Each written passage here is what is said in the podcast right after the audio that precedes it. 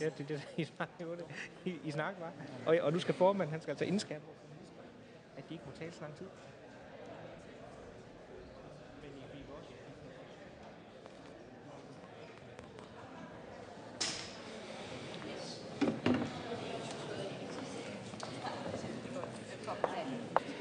Jamen, øh, rigtig hjertelig god formiddag alle sammen.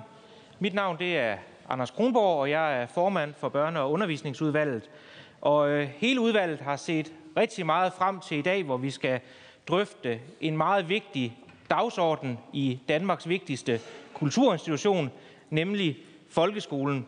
Det er noget, vi har drøftet meget i børne- og undervisningsudvalget, og op til den her konference, der har vi haft et underudvalg bestående af undertegnet, og så Sten Knudt, som er næstformand øh, for børne- og undervisningsudvalget.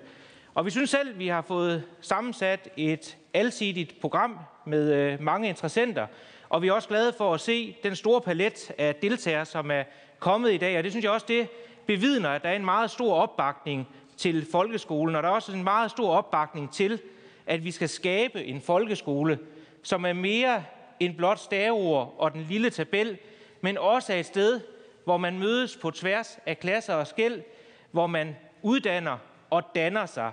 Og her der kan bevægelse virkelig være med til at spille en aktiv forskel i forhold til relationer, både mellem voksne, men også indbyrdes mellem eleverne på skolen. Vi ved også, at bevægelse det kan være med til at øge eleverne og børnenes trivsel i skolen, men også noget, de efterfølgende tager positivt med hjem. Og jeg håber i dag, at vi får nogle rigtig spændende indspark, både fra de oplægsholdere, vi har inviteret, men så sandelig også fra mange af jer, som er mødt op. Til slut vil der nemlig være en lille debat, og noget af det, som jeg hæfter mig ved, det er den alsidighed, der også er i tilmeldingerne, både fra foreninger, men også bredt set i forhold til kommuner. Vi synes jo også, når vi nu holder sådan en bevægelseskonference her i dag, eller høring på Christiansborg, så skal vi også kunne præsentere lidt alsidigt. Fordi bevægelse, det er jo for eksempel andet end bare en bold, man spiller med i øh, skolegården. Det skulle jo gerne være pædagogisk tilrettelagt. Så vi har faktisk inviteret Nordens største cirkus til at komme og indlede den her konference. I har det nok lidt sådan, som vi også har nogle gange herinde på Christiansborg, at det med politik, der skal man holde mange bolde i luften samtidig, og nogle gange der skal man også kunne tage kejler. Det skal man også ude i skolevirkeligheden, både som ansat pædagog og som ansat øh, lærer. Så det er en stor, stor fornøjelse at byde rigtig hjertelig velkommen til cirkusdirektøren Benny Badino, som i år med sit cirkus kan fejre 65 års jubilæum med Cirkus Arena på Landevejen. Så giv Benny Badino en meget, meget stor hånd.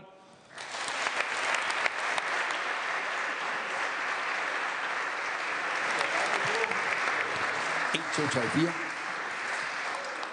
Højt publikum, mine damer og herrer, kære piger og drenge, store og små, har I medbragt det rigtig gode, glade danske cirkushumør? Ja! Jeg kan ikke høre, hvad I siger. Det er dejligt. Jeg har to unge mennesker med, som er helt vilde med at holde sig i form. Jeg ved ikke, om de kan holde 45 minutter, men øh, tag godt imod dem. De kommer her og hedder Oliver og Patrick Badino. Oliver track. Så kommer der noget musik. Og du skal bare give den noget power.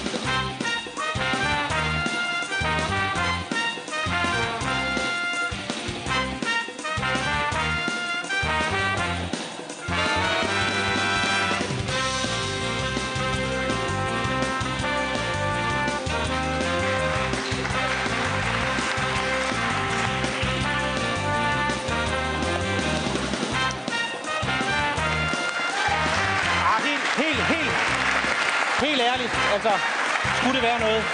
Er det svært? Vil du give det et forsøg? En cola? Skal vi ved? Skal vi ved en cola? Jeg tror ikke, du kan. Ah,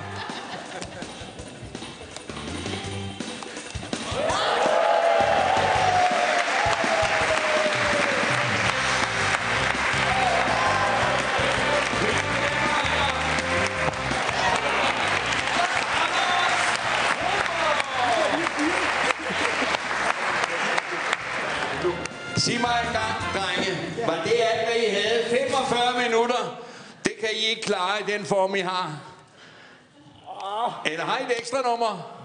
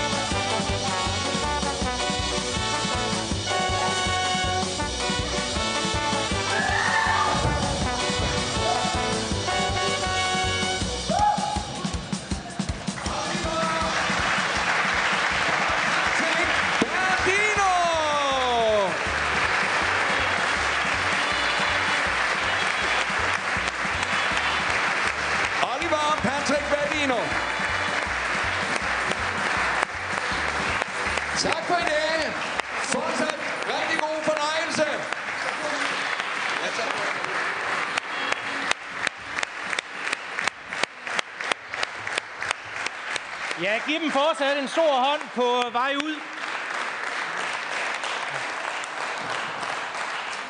Det var et eksempel på, at bevægelse det kan være mere end blot en fodbold, og kun fantasien den sætter grænser. Og i forhold til bevægelse, så er det jo også kreativitet, det er sammenhold, det er fortælling. Og det er jo her, at vi i hvert fald har en ambition om, at vi gerne vil skabe en folkeskole, der både bygger på fællesskab, fortælling, fortælling og selvfølgelig også faglighed.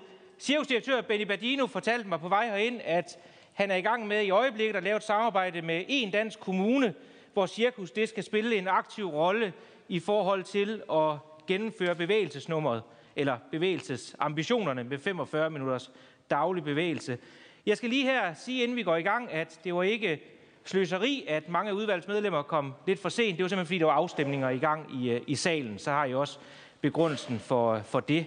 Men vi skal til at i gang med øh, dagens program, og som I ser, så er det jo et ret presset program.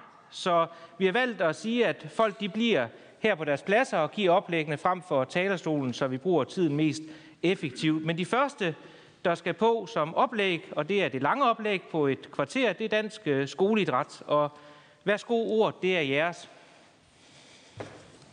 Ja, tak skal du have. Mit navn er Bjørn Friis Nerfeldt, jeg er generalsekretær i Dansk Skoleidræt. Og jeg vil sige, det er jo en lidt svær en at komme efter den der, men ikke desto mindre vil jeg da gerne takke for, for at I har indbudt os til at komme med et oplæg i dag med den viden øh, og de input og erfaringer, vi har. I Dansk Skole der har vi en øh, grundmission og et stort ønske, og det er at fremme alle elevers øh, læring og trivsel gennem idræt og bevægelse i en varieret skoledag. Og den øh, mission taler jo rigtig godt ind i det emne, vi skal tale om i dag, og derfor vil vi også selvfølgelig trække på nogle af vores 75 år lange erfaringer ind i de pointer, jeg nu skal fremlægge omkring det. Lige helt kort fortalt om, hvem vi er. Vi er en idrætsorganisation, der består af 15 frivillige kredsforeninger rundt omkring i landet. Der har vi 1300 medlemsskoler og øh, organiserer gennem de 1300 medlemsskoler øh, skoleidræt for 514.000 børn og unge i dagligdagen via de her frivillige kræfter ude i vores kredsforeninger. Herudover har vi et ret stort øh, uddannelsesprogram, øh, hvor vi efteruddanner skolerne i det, vi kalder bevægelse. Det vil sige meget andet end det, der lige er idræt, hvor vi går ud og efteruddanner i og kompetenceløfte til at, at eksempelvis øh, bidrage med at bringe bevægelse ind i det boglige fag. Der, det har vi haft et stort udviklingsprogram med Trykfonden, hvor vi i sidste skoleår efteruddannede to ud af tre af alle danske skoler. Vi har netop offentliggjort en slutrapport på det, som vi har lavet sammen med Trykfonden og Oxford Research. Den ser sådan her ud. Og der kommer vi med rigtig mange anbefalinger, erfaringer og input til, hvad det er for nogle faktorer, vi ser, der er gode at understøtte, hvis man ønsker at skabe en varieret skoledag med idræt og bevægelse. Og det er også mange af de erfaringer, jeg vil tage udgangspunkt i i mit oplæg nu her i dag. Jeg blev bedt om at fremlægge status, input og anbefalinger på det, og den første status, jeg vil bringe, det hedder, hvad er motion og bevægelse i skoledagen? Og der er det faktisk i virkeligheden et meget godt eksempel, det vi lige har set med cirkusnummeret, for det er jo helt øh, aktuelt i forhold til det, også det, der bliver drøftet ude på skolerne. Hvad er bevægelse egentlig?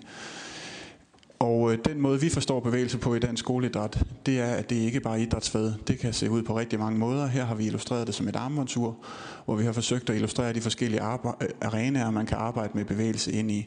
Og det kan være alt fra aktiv transport til, fra og under skoledagen, til bevægelse i de boglige fag, bevægelsesbånd, frikvarter, understøttende undervisning osv. Så der er rigtig mange arenaer, og der er rigtig mange aktører, der kan bidrage ind i den her øh, problemstilling omkring, hvordan implementerer vi bedst mulig bevægelse i skoledagen. Det er ikke kun idrætslærerne og idrætsfaget.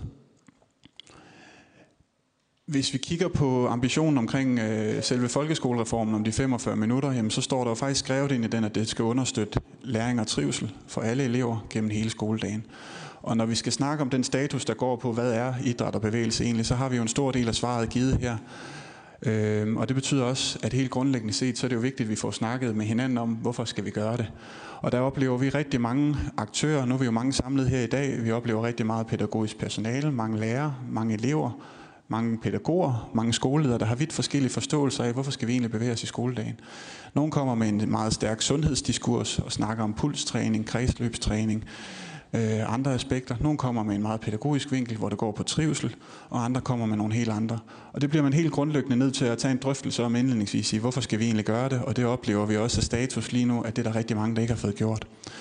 Man bliver også nødt til at snakke med hinanden om, hvordan skal vi gøre det her? Skal vi gøre det ind i det boglige fag? Skal det være adskilt for undervisningen? Skal det være kombineret, integreret?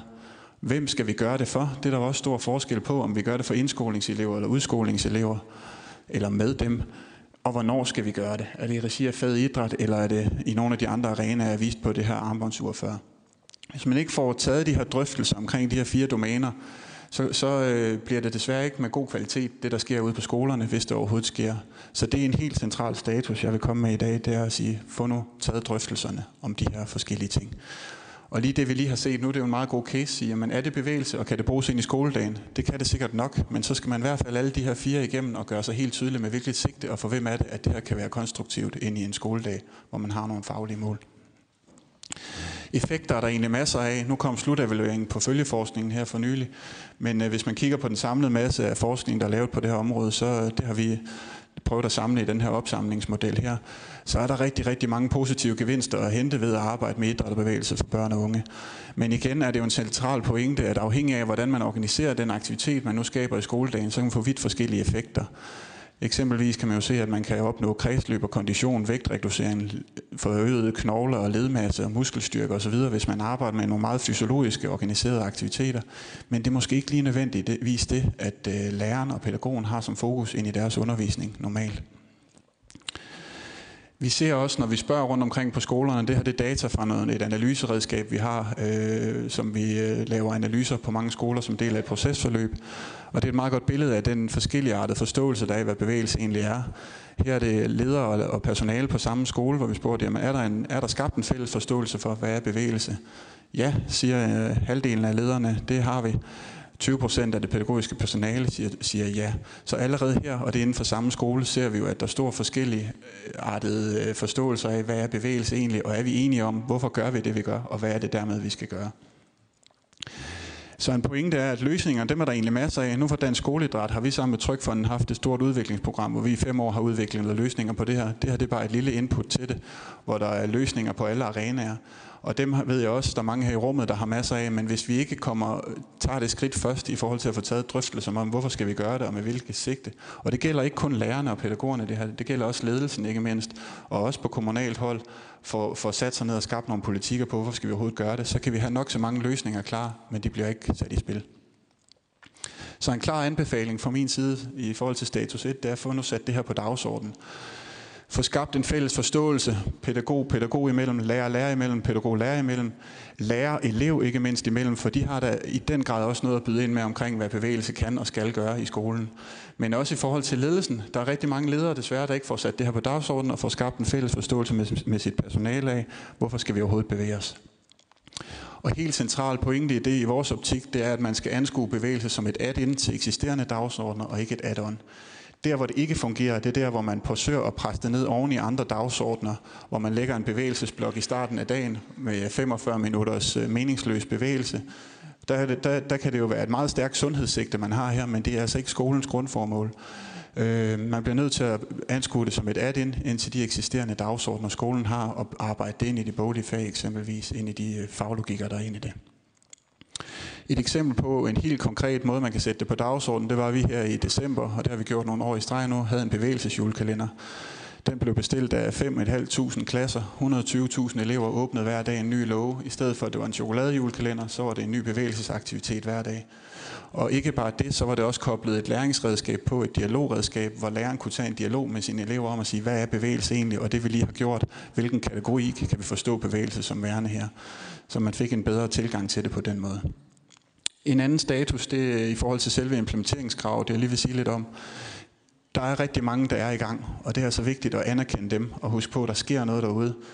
Men der er også mange, der endnu ikke er kommet i gang. Når vi øh, spørger rundt på skolerne, så ser vi dels rigtig store regionale forskelle, og det har vi nu det her lige et øjebliksbillede for sidste skoleår. Men vi ser desværre, at det her billede har været stået på i de fire år, vi har lavet den her analyse, øh, ud fra samme udtryk. Der, det fungerer bedst i, i Syddanmark og i, i de veste, vestlige regioner af landet, og hovedstaden halter langt bagud, og det gør de hvert år i streg. Vi ser også nu en tilbagegang, det har det egentlig samme graf bare over tid, og den stiplede linje, det hele landsgennemsnittet. Vi ser også, at implementeringen nu begynder at falde. Det er skolernes egen selvrapporterede data, det her. Øhm, at, øh, at, øh, tak at øh, selve implementeringen af reformen begynder at falde, og det går tilbage ud på skolerne nu. Igen et andet billede af de forskellige opfattelser af, hvad bevægelse er, og hvordan det går, så afhængig af, hvem man spørger, så i forhold til, om man har implementeret det i 45 minutter, så 77 procent af lederne siger, ja, det har vi. 55 procent af lærerne siger, ja, det har vi. Kun 30 procent af pædagogerne siger, ja, det har vi. 50 procent af eleverne har en opfattelse af, at det har man. Og kigger man specifikt på udskolingselever, så siger 25 procent af udskolingselever, at de bevæger sig i mindre end 15 minutter daglig bevægelse. Så der er stor diversitet i forhold forståelsen og opfattelsen af, om det her reformkrav lykkes. Vi ved også, at øh, fra mange undersøgelser og vores egne erfaringer står, det er meget den enkelte lærer og den enkelte pædagog, der står med ansvaret for det her. De er overladt meget til sig selv, de mangler struktur omkring sig, de mangler nogle teams, de mangler en opbakning fra sin ledelse til, hvordan kan vi komme videre. Og det er enormt sårbart. Så ved vi også, at de entydigt siger alle sammen, at det er en kæmpe stor udfordring. Vi vil det egentlig gerne, men det er en stor udfordring. Vi ved ikke, hvordan vi skal gøre det, og vi mangler en tydelig opbakning til det. Hvis vi kigger på ledelsen, nu, og i, særdeleshed i forhold til, hvordan de kan gå ind og gøre det bedre, så ved vi, at det kun er en tredjedel af dem, der decideret indtænker det i skemaplanlægning, og det er kun omkring halvdelen af landets skoleledere, der har skabt en, øh, i høj grad har haft en dialog med deres personale om det her enkeltstående reformkrav på bevægelse. Det er også kun halvdelen af dem, der har formuleret en handleplan. Øhm, og det er selvfølgelig for uroligende i forhold til en, en god implementering, at man egentlig ikke har skabt en god struktur på det niveau så ved vi også, at ledelse, ligesom så mange andre steder, det er en helt central succes for, at vi, at vi kommer videre og for at få sat de nødvendige rammer, og at man får værditilskrevet det, som der nu engang skal til, det reformelement. Så en helt klar anbefaling på det niveau, det er at få nu skabt en struktur, men også med, udgang i, med udgangspunkt i den lokale diversitet, der er ude på skolerne. Ingen skoler er ens her, og ingen lærer er ens, så tag udgangspunkt i det, der allerede foregår, og få, få, få analyseret, hvad, hvordan kan vi komme videre på det understøtte ildsjælene, så de ikke brænder ud. Det begynder vi desværre at se, at de begynder at give op på det område her. De føler ingen opbakning fra sine kollegaer, fra sin ledelse, fra sin kommune, og måske endda heller ikke fra noget nationalpolitisk hold i forhold til, at det her det er en indsats, der skal prioriteres. Et eksempel på, hvordan man kan komme videre på det, det er vores procesforløb i dansk skoleidræt, hvor vi går ind og analyserer som det første, siger, hvad er jeres udgangspunkt, jævnt for den anbefaling, jeg har bragt før. Og så har vi nogle workshops med pædagoger, lærere og elever, hvor de fælles får skabt en forståelse af, hvad bevægelse er, for i sidste ende at ende ud med en helt tydelig handleplan, hvordan kommer vi så videre. Det er en helt klar anbefaling for os. Få nu taget det skridt først, frem for bare at gå i gang med noget uden at have en plan. Vi ved også, at der er rigtig mange, der efterspørger viden på det her. De vil det gerne, som sagt, men de ved ikke helt, hvordan de skal gøre det, og, og hvilke resultater man kan forvente, hvis man gør hvad. Vi ved også, at eleverne, nu er de jo også til stede i dag Mathia her, de er, men, men man kigger man bredere på analyserne omkring det, så er det egentlig stor opbakning til selve elementet, og det er både på indskoling og udskoling og mellemtrin. Udskolingselever er blevet lidt misforstået i den her sammenhæng, hvor, hvor man siger, at det er fordi, de er pubertære og dogne. Det er simpelthen ikke korrekt. De vil det rigtig, rigtig gerne, men de stiller bare større krav til undervisningen og det faglige udbytte af det, end indskolingselever gør. Så der kan man ikke bare lave, lave øh, gøjl og cirkus. Der bliver det nødt til at kobles op på noget andet, og det stiller enormt store krav til det faglige personale i forhold til den forberedelsestid, de skal lægge i det. Så eleverne kan, vil og bør gerne blive inddraget ind i den her kontekst også. En anbefaling er derfor, husk at inddrage eleverne, understøtte skolerne med materialer og redskaber og uddanne lærerne, og også på, allerede på læreruddannelsen. Vi kan blive ved med at brændslukke, vi kan også blive nødt til på et tidspunkt at kigge på selve læreruddannelsen og give dem nogle ordentlige didaktiske redskaber til at komme ud og føre den her form for undervisning. For der er jo en helt ny didaktik at køre matematik, historie osv. med kroppen frem for den stillesiddende. Et eksempel på, hvordan man kan inddrage eleverne, det er junioridrætslederuddannelsen. Der uddanner vi nogle ældre elever til at være rollemodeller for nogle yngre, hvor de i regi af valgfag kommer i praktik over i en idrætsforening. De lærer at smage på trænergærningen derover, de kommer tilbage til skolen og får en rolle ind i den understøttende undervisning sammen med en pædagog, hvor de varetager motorisk træning for nogle under motorisk usikre børn på indskolingsniveau. Øh, de udvikler sig som rollemodeller og udvikler deres egne personlige faglige kompetencer og skaber en sammenhængskraft bredt set på skolen. Og det er jo et helt konkret eksempel på, hvordan man kan aktivere eleverne ind i den her sammenhæng. Sidst vil jeg lige sige lidt om systemet omkring skolerne. Kommunerne har en kæmpe rolle ind i det her, og der bliver vi altså også nødt til at sige, at den bliver svigtet lige 50 procent af dem ude på skolerne, de ved ikke, hvilken rolle kommunen kan spille i at understøtte det her. Det synes vi er for uroligende. Og vi ved også samtidig, det er så godt nok tilbage fra 2017, at det kun er 29 procent af landets kommuner, der har formuleret et decideret mål og en politik på det her område. Så kommunerne skal helt, snart til at, helt klart til at træde mere aktivt ind i den her kamp og vise sig som tydelige understøttende spillere for skolerne. Et godt eksempel på skoleledelsesniveau, det her citat fra et norsk studie, der netop er udkommet. Øh, nu har jeg ikke lige læst det op, men det, det siger, det er, at, det, det, at skoleledere de, de kan sagtens anerkende værdien af bevægelse. Det er der rigtig mange, der køber ind på. Det behøver vi ikke at bruge tid på længere og skal fortælle, hvorfor man skal bevæge sig. Men hvis det ikke prioriteres og vurderes som vigtigt og vigtigere end andre dagsordner, så bliver det ikke bragt ind. Og der er vi tilbage til den her pointe med add-in og add-on. Det behøver ikke at være en dagsorden oven i en anden dagsorden. Det kan godt være en dagsorden ind i en eksisterende. Hvis man har en inklusionsdagsorden, så lav dog nogle trivselsfremmende bevægelsesaktiviteter, hvor man fremmer inklusionen af elever, eksempelvis juniorlederuddannelsen. Så en klar anbefaling der, anerkend ny didaktik og give den tid til forberedelse. Det kræver tid og forberedelse ved lærerne, hvis de skal gribe det her som en ny didaktik for dem. Og det gælder også på kommunalt niveau de bliver også nødt til, man bliver nødt til kommunalt at gå ind og tillægge det her værdi og status, og især på skoleledelse og kommunalt niveau. Og på den måde øh, er en også en anbefaling, at der, hvor vi ser det lige nu, det er, at der er mange, der er i gang. Det er primært det pædagogiske personale. Vi bliver nødt til, nødt til at få aktiveret alle led i den her kæde, og det er jo et godt skridt på vejen i dag, at vi er samlet her, hvor de nationale politikere tager ansvar og bringer sig selv aktivt ind i den, for det er der absolut brug for. Et eksempel på, hvordan en, en, man kommunal kan arbejde med det, det er forslagelse her, hvor byrådet netop har indstillet, eller Venstre har indstillet til byrådet, at man vil sætte en politik på området, og man har gået ind og formuleret nogle indikatorer på, hvad bevægelse egentlig skal være i den her kommune. Og det er jo et super godt eksempel på, hvor man sætter en kvalitativ ramme op omkring bevægelse, men med et lokalpolitisk sigte. Et andet øh, eksempel, det er jo det store offentlige ansvar omkring øh, regeringen. Altså i 2014, da man vedtog reformen, der pegede man på dansk skoleidræt til at være den centrale aktør i forhold til implementeringen omkring skolereformen og et vigtigt bindeled ind i det. Og det er vi da rigtig, rigtig glade for. Men vi bliver samtidig nødt til at sige, at, at ansvaret omkring at kunne implementere, det er svært at varetage, når, når det lille projekt, projekttilskud, der var tilknyttet, det udløb i 2017, og samtidig så ved vi også, at undervisningsministeriet midler til dansk skoleidræt, det faldet med 15 procent. Så det er jo også et sted, man kan gå ind og kigge på og tage et ansvar i forhold til, hvordan at man egentlig ønsker, om man stadig ønsker, at det skal være dansk skoleidræt, der skal spille en stor rolle ind i det. Så hvis jeg skal samle op og prøve at tegne nogle trædesten af, hvordan vi kommer videre, så den første trædesten, det er helt klart, gør det. Sæt det nu på dagsordenen og tag udgangspunkt i de igangværende. Udbred de erfaringer, der nu engang sker, så man får kvaliteten og ikke kvantiteten ind i den her dagsorden. Så skal man gøre det godt. Man skal gøre det meningsfuldt. Det skal ikke bare være hovedløs bevægelse i 45 minutter rundt om en flagstang. Det skal kobles op på skolens dagsorden og tale ind i den faglogik, de lærer, der skal afvikle det, de har. Man skal skabe struktur omkring indsatsen, og her taler jeg især til skolelederne. Der er nogen, der svigter deres ansvar ind i det her lige nu, og der ved jeg godt, at det er fordi skolelederne også har andre dagsordner, men jævnført det citat, jeg viste før, så kunne man med fordel tænke det her ind i nogle af de eksisterende dagsordner. Og det tager også tid, det er jeg godt bevidst om. Så skal man have øje for fleksibilitet og diversitet. Alle jer, der er til stede her i dag, vi skal ikke bare komme med hver vores færdigskårende koncepter og tro, at det passer ned i enhver skolesammenhæng bliver nødt til at anerkende, at øh, man kan ikke presse en, en rund klods ned i et firkantet hul. Altså skolerne, de har, de, øh, de har hver deres øh, forskellige måder at gøre det på, og hver lærer har hver deres måde at gøre det på ind i, ind i deres bolige undervisning. Og det skal vi skabe nogle strukturer omkring, som er fleksible nok til, at det kan passe ind i det. Så skal vi have skabt kompetencer, og sidst men ikke mindst, så en helt vigtig strædesten, det er, at det skal gøre sjov. Hvis man ganger 45 minutters bevægelse op med 200 skoledage i 10 års skolegang, så er det 90.000 minutters bevægelse. Og hvis det ikke er sjovt at være i for eleverne, så fremmer vi Gud hverken lærken trivsel eller bevægelsesglæde, og for den sags skyld heller ikke ved de lærere, der skal stå og afvikle det. Så få nu gjort det godt og gjort det sjovt, og tænk i er det frem for add-on, og så sørg for at inddrage eleverne og pædagogerne, for de har nogle rigtig gode kompetencer ind i det. Tak for ordet.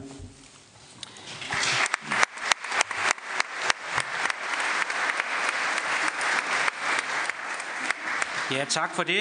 Og øh, jeg vil lige gøre opmærksom på, at øh, oplæggene naturligvis øh, bliver tilgængelige efter konferencen, så man også der kan orientere sig. Så kommer der en række oplæg nu øh, på en, et mindre antal minutter, og en af dem, vi er særdeles glade for, vi er glade for alle, men en af dem, vi er særdeles glade for, vil give den her høring lidt opmærksomhed, det er børne- og undervisningsminister Pernille rosenkrantz teil og det er ministeren, der nu får ordet. Værsgo, minister.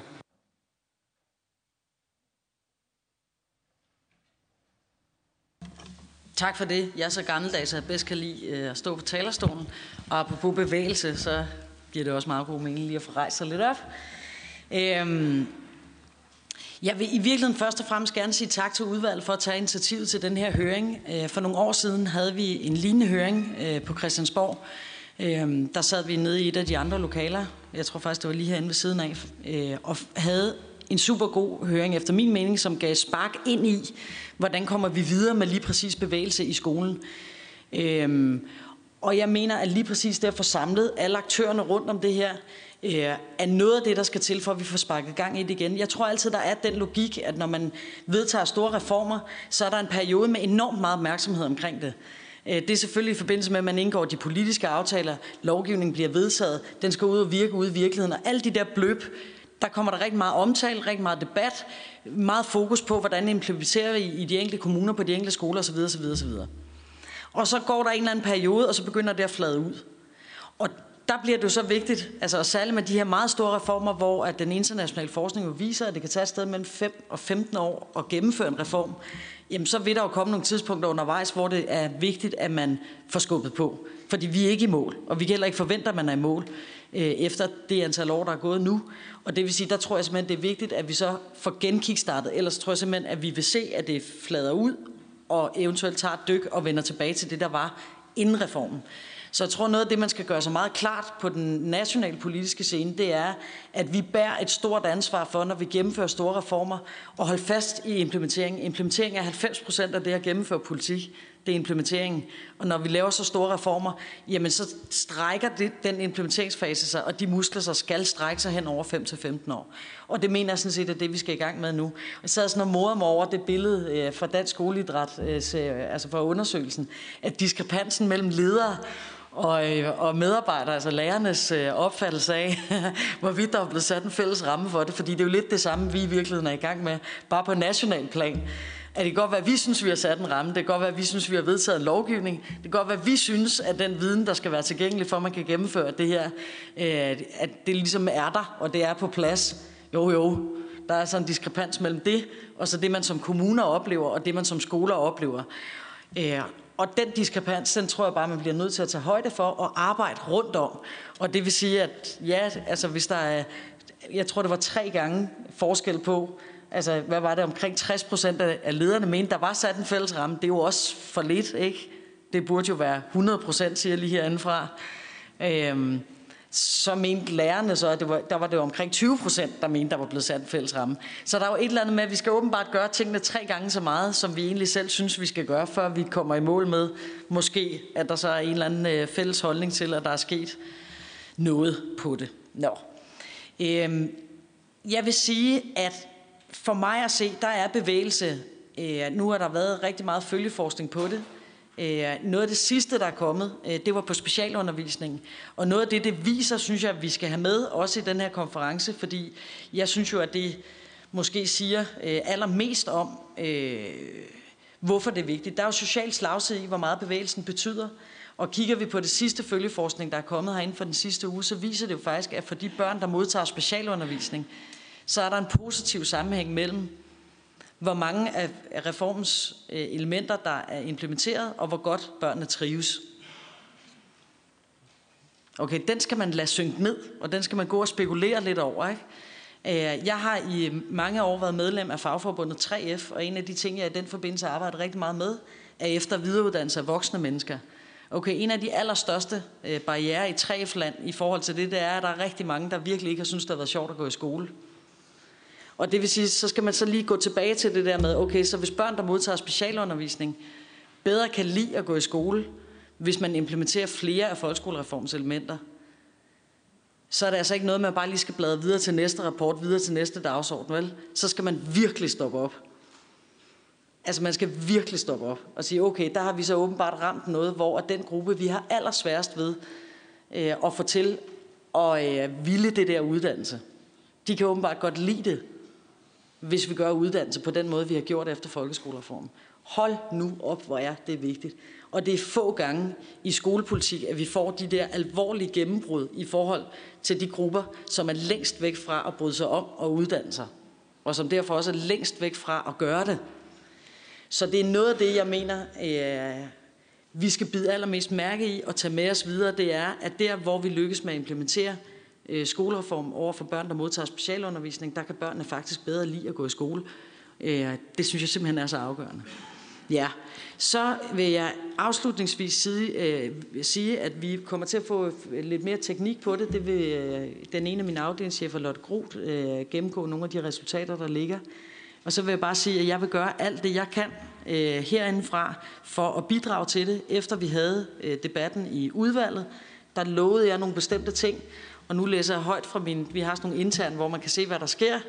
Øh, dem kan man jo lige så godt delagtigt gøre verden i, fordi jeg synes, det betyder noget, at ting flytter sig, når det er sådan, at udvalget koncentrerer sig om en bestemt opgave. Det, der ligger på mit bord nu, det er sådan et notat over mulige reaktioner over for kommuner og skoler, der ikke overholder loven. Det synes jeg bare, KL skal notere sig.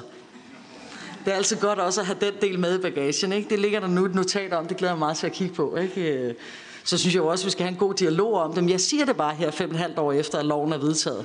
At der er faktisk også nogle kommuner, der er forpligtet af faktisk at få lov til at virke. Ikke? Og nu har jeg som minister nogle utrolig spændende redskaber liggende et notat her. Dem kan vi så altid snakke om, hvis dialogen ikke virker. Ikke? Jeg håber selvfølgelig på, at dialogen virker, fordi med dialog kan man jo komme rigtig langt. Og så har jeg et notat med et brutokatalog over forslag, øh, forslag til understøttelse af skolernes implementering af 40, Øh, 45 minutters øh, bevægelse. Og der kigger jeg så over på mine kollegaer øh, i Folketinget. Det skal vi diskutere med hinanden, hvordan vi kommer videre med. Nu ligger der det afsæt, jeg lovede jer, så det skal vi drøfte ved førstkommende lejlighed. Og så ligger der noget om årsagerne for, hvorfor vi står der, hvor vi står i dag. Så bare for at sige tusind tak til udvalget for at tage initiativet på det her. Vi løber så stærkt vi kan, jævnført jævnfør de ting, vi også har talt om ved tidligere lejligheder. Tak for ordet.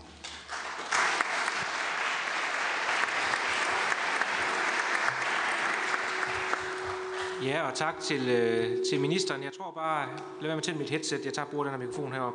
Tak til ministeren, og så giver jeg ordet til afdelingschef for øh, over i undervisningsministeriet, og det var fuldstændig rigtigt, det var Lotte Groth Andersen. Værsgo. Tak.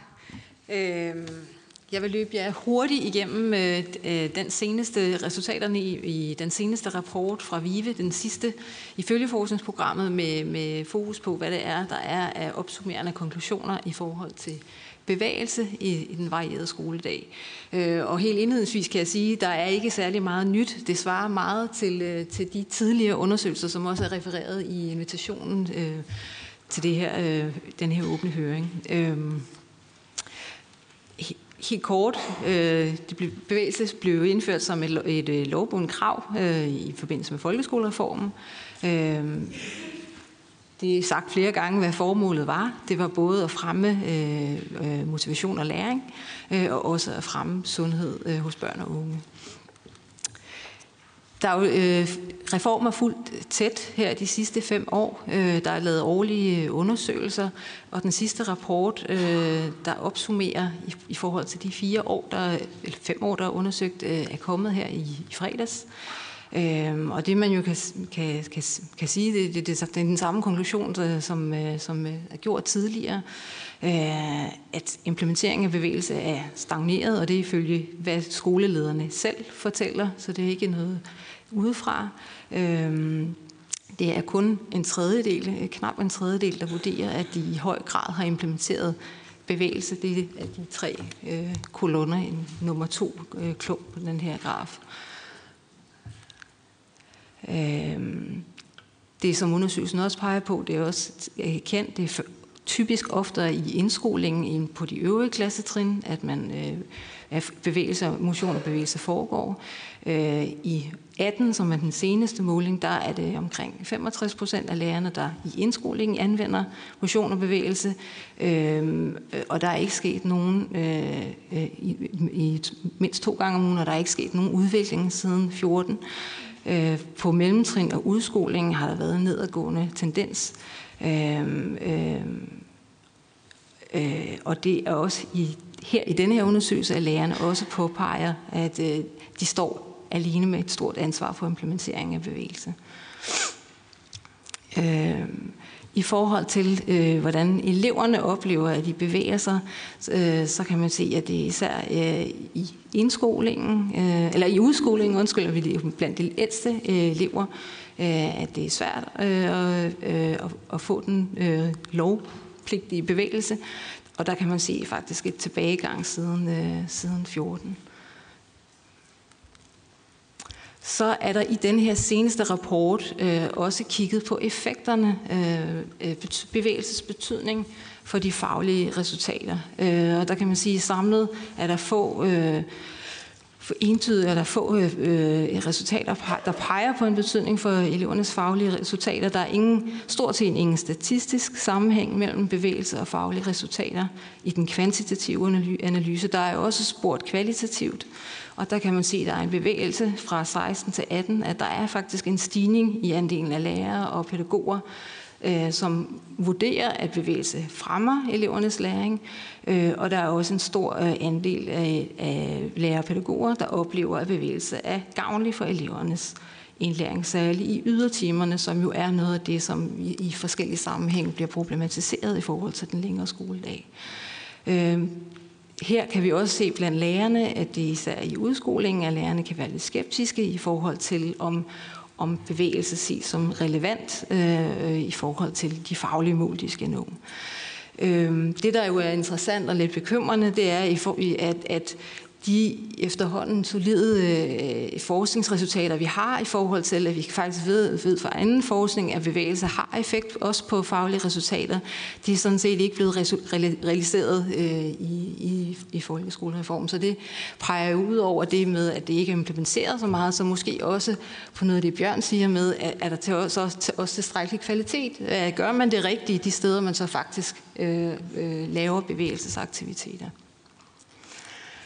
Øhm, der er også kigget på bevægelsesbetydning for elevernes trivsel, øh, og der er der måske en anelse mere positive resultater, at, vi, øh, at det kan have øh, betydning øh, for elevernes trivsel.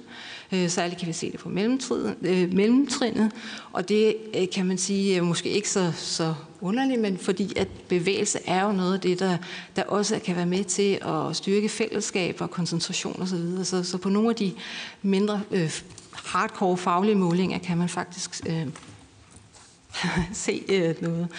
Øh, og så har vi også fremhævet den pointe, som Pernille også har fremhævet, at vi faktisk ser øh, øh, faktisk mere signifikante positive resultater i specialundervisningstilbudene i forhold til betydningen på elevernes trivsel, både faglig øh, trivsel og inspiration og støtte.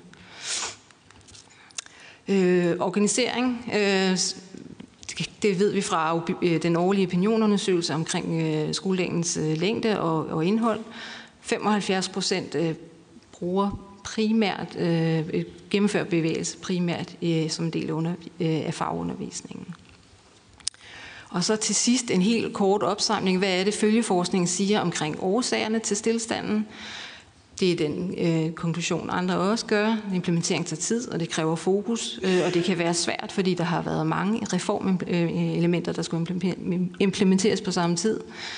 Bevægelse i undervisningen kræver en kulturforandring, og måske større og mere vidtgående, end, end alle havde forestillet sig, fordi der jo egentlig er bred opbakning til bevægelse.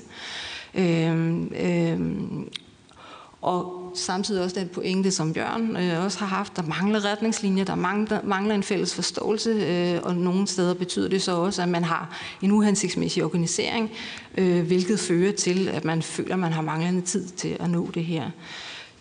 Derudover også behov for vidende kompetencer øh, og udfordringer, især i udskolingen med at gøre øh, bevægelse relevant. Øh, det følgeforskningen peger på, det er mere erfaringsudveksling øh, blandt lærere og et vedvarende ledelsesmæssigt fokus og klare retningslinjer for implementering. Så det er jo en bekræftelse af det, der er sagt tidligere. Ja, og tusind tak for det indlæg.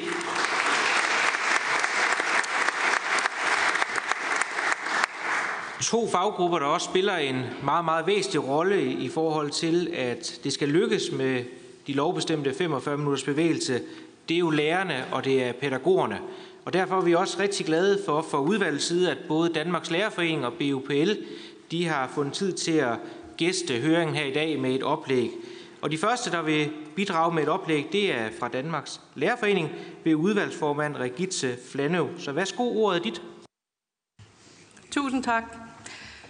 Bevægelse i undervisningen er godt, når det tilfører kvalitet og variation i undervisningen, når det giver mening, og når det kan være en naturlig del og ikke kunstige afbrydelser. Øh, lærerne i skolen brænder for at lave undervisning af høj kvalitet, og det gælder selvfølgelig også undervisning, der inkluderer bevægelse. Så lad mig starte med at prøve at svare på, hvad der skal til, hvis vi skal have mere og kvalificeret bevægelse i undervisningen. Og jeg vil svare med et eksempel fra skolens hverdag.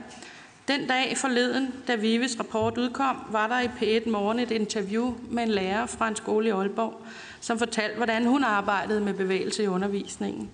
Hun var idræts- og engelsklærer og havde derudover øh, sammen med otte andre lærere fra skolen deltaget i et kursus om bevægelse i undervisningen.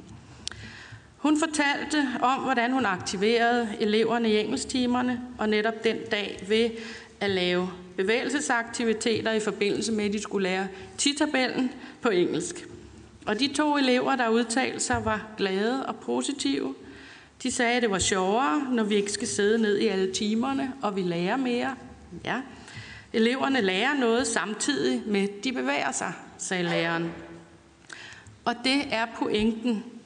Et eksempel på engelsk undervisning, hvor bevægelse i undervisningen tilfører variation og aktivitet samt motiverede eleverne.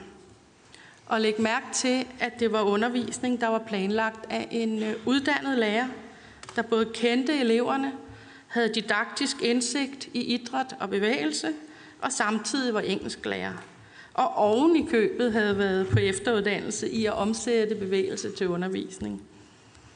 Vi kan selvfølgelig godt sende eleverne ud på en løbetur rundt om skolen i en halv time hver morgen eller eftermiddag og sætte tjek ved, at nu har vi gjort det, vi skulle, og opfylde lovens krav.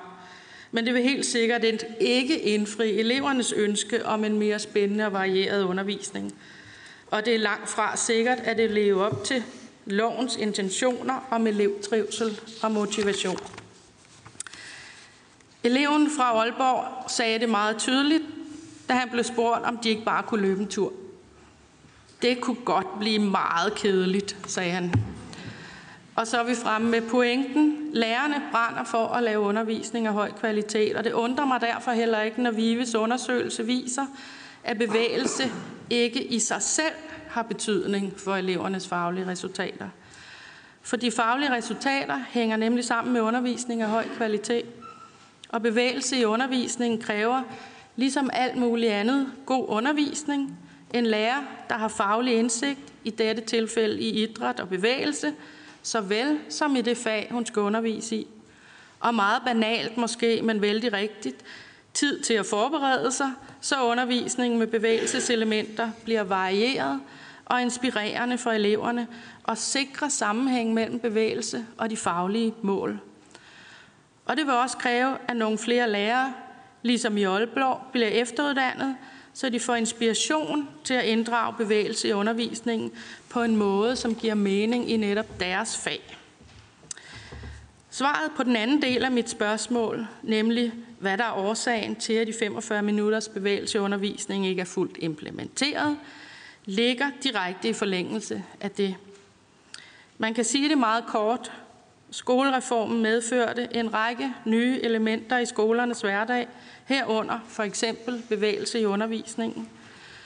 Lærerne blev koblet af indflydelsesmæssigt, og samtidig blev forberedelsestiden for de lærere, der skulle implementere de mange nye elementer, stærkt beskåret. Man har altså givet lærerne og skolen nogle meget vanskelige rammer for at implementere reformen. Tak. Tak til Danmarks Lærerforening.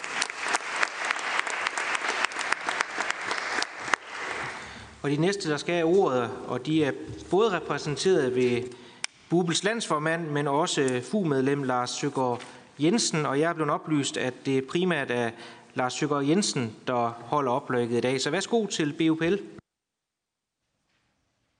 Jeg vil bare som øh, formand sige tusind tak, fordi vi er, er med i dag. Øh, der er ingen tvivl om, at øh, pædagoger også brænder for at øh, skabe et godt børneliv for børnene i hele dagen, også i skoletiden. Det handler selvfølgelig om, at vi som pædagoger har fokus på øh, samarbejde, fokus på, hvordan at vi skaber øh, stærke børnefællesskaber. Øh, så det er det, øh, vi også gerne vil fremme i folkeskolen. Ja, og man kan sige, at øh, nu har vi der har været fokus på området i, øh, i, i mange år efterhånden, og man kan selvfølgelig undre sig lidt over, øh, sådan når man sidder der, hvor jeg sidder i hvert fald, hvordan kan det være, at det i virkeligheden tager så lang tid? Der er mange, mange forklaringer på det, men havde det nu været 45 minutters ekstra dansk, så var det jo bare blevet indført. Så derfor er det jo rigtig godt, at øh, den her høring den også er der, øh, og det, det er vi rigtig glade for at øh, have ekstra fokus øh, på det. Fordi i virkeligheden så er det, at man opfatter øh, 45 minutters bevægelse som et, øh, et krav, som er svært at opfylde, sammenlignet med, tænker jeg, de meget detaljerede krav, der er til mængden og indholdet af faglig undervisning. Det vækker øh, til eftertanke. Og når alle så også er enige om, at det her med bevægelse, det er rigtig godt, de seneste rapporter peger også på, at bevægelse øger trivselen. Det er en af de få forandringer, man så rent faktisk kan se øh, en lille positiv effekt af. Så det er, jo, øh, det er jo vigtigt, at man så øh, gør noget ud af det. Mere bevægelse er selvfølgelig ikke kun et øh, mål i sig selv. Det er jo også et middel til at give børn og unge lyst til at lære, skabe rammer for oplevelse, fordybelse og virkelyst, så de udvikler erkendelse og fantasi og får tillid til egne muligheder, som det så godt står i formålsparagrafen.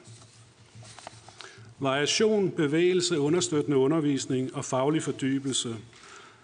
Jeg synes i virkeligheden, at man skal opfatte det lidt som nogle øh, frihedselementer, som netop ikke er detaljstyret, men som skal gribes af ledere, pædagoger og lærere til at skabe de lokale læringsmiljøer, som gavner børn og unge bedst lige der, hvor de er på deres skoler. Et, øh, et eksempel, et kendt eksempel fra en skole med inklusionsudfordringer, i en klasse, hvor de havde en gruppe drenge med mange konflikter. Lærere og pædagoger laver et forløb i hallen. Målet er, at drengene skal have fælles succesoplevelser og styrke deres sociale kompetencer. Og efter en måned, hvor pædagoger jævnligt tog drengegruppen med i hallen, arrangerer pædagoger og lærer en dag, hvor drengegruppen skal stå for at fortælle om og instruere idrætsleje for resten af klassen. Det hele bliver filmet. Drengene får en positiv feedback, både fra kammeraterne, fra pædagogerne og fra lærerne. Det er jo sådan nogle aktiviteter, som i virkeligheden virker konfliktdæmpende, fremmer klassens fællesskab og gør hele klassens læringsmiljø meget bedre. Og det kan godt være, at de her drenge ikke lærer noget fagfagligt i hallen, men de vil garanteret trives bedre, de vil være mere læringsparate og mindre forstyrrende fremover. Blandt andet fordi de har fået en rigtig god oplevelse af, at her er der noget, de har kunnet. Og bevægelse skal selvfølgelig ikke kun være for drenge eller piger med lidt øh, ekstra gang i, øh, i bagdelen, hvis man kan sige det på den måde. Men vi ved også, at generelt så er bevægelse godt. Det er godt for os alle øh, som mennesker. Og bevægelse er bare ikke en pause, er heller ikke bare en pause, hvor man kan sende alle ned, alle ned og rende en gang rundt om skolen, for så er det jo de samme to børn, der kommer sidst hver gang, så bare med et nederlag rigere. Som alle andre pædagogiske aktiviteter, så kræver det tid. Tid til tværfagligt samarbejde, tid til individuel forberedelse og tid til fælles evaluering. Og det kræver fokus fra ledelsen, både i skolefritidsordningens ledelse og i skolens ledelse. Og oply- eller afslutningsvis, så kan man jo tage børneperspektivet. Vi skal ikke kun have bevægelse i skolen, fordi loven kræver det. Vi skal også gøre det, fordi det giver en sjovere, sundere og mere varieret dag for alle børn. Og den sidegevinst er jeg overbevist om, at det styrker også både trivsel og læring, hvis det gøres ordentligt, og hvis man tager udgangspunkt i, at der skal tid til forberedelse af det. Tak for det.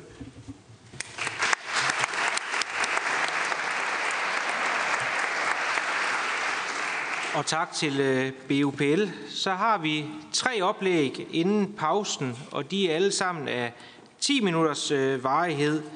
Og nogle af de samarbejdspartnere, som er rigtig vigtige for skolen, det er jo, at man har et godt samarbejde med forældrene, så udvalget har fundet det helt naturligt også at invitere skoler og forældre til den her høring. Og der er vi glade for, at landsformanden har fået tid til at komme og give et oplæg. Så værsgo til skoler og forældre. Tak skal du have, Anders. Og tak fordi jeg måtte komme øh, og tale på vegne af, af forældrene med børn i folkeskolen og de skolebestyrelser, som sidder og laver principperne for vores børns skole.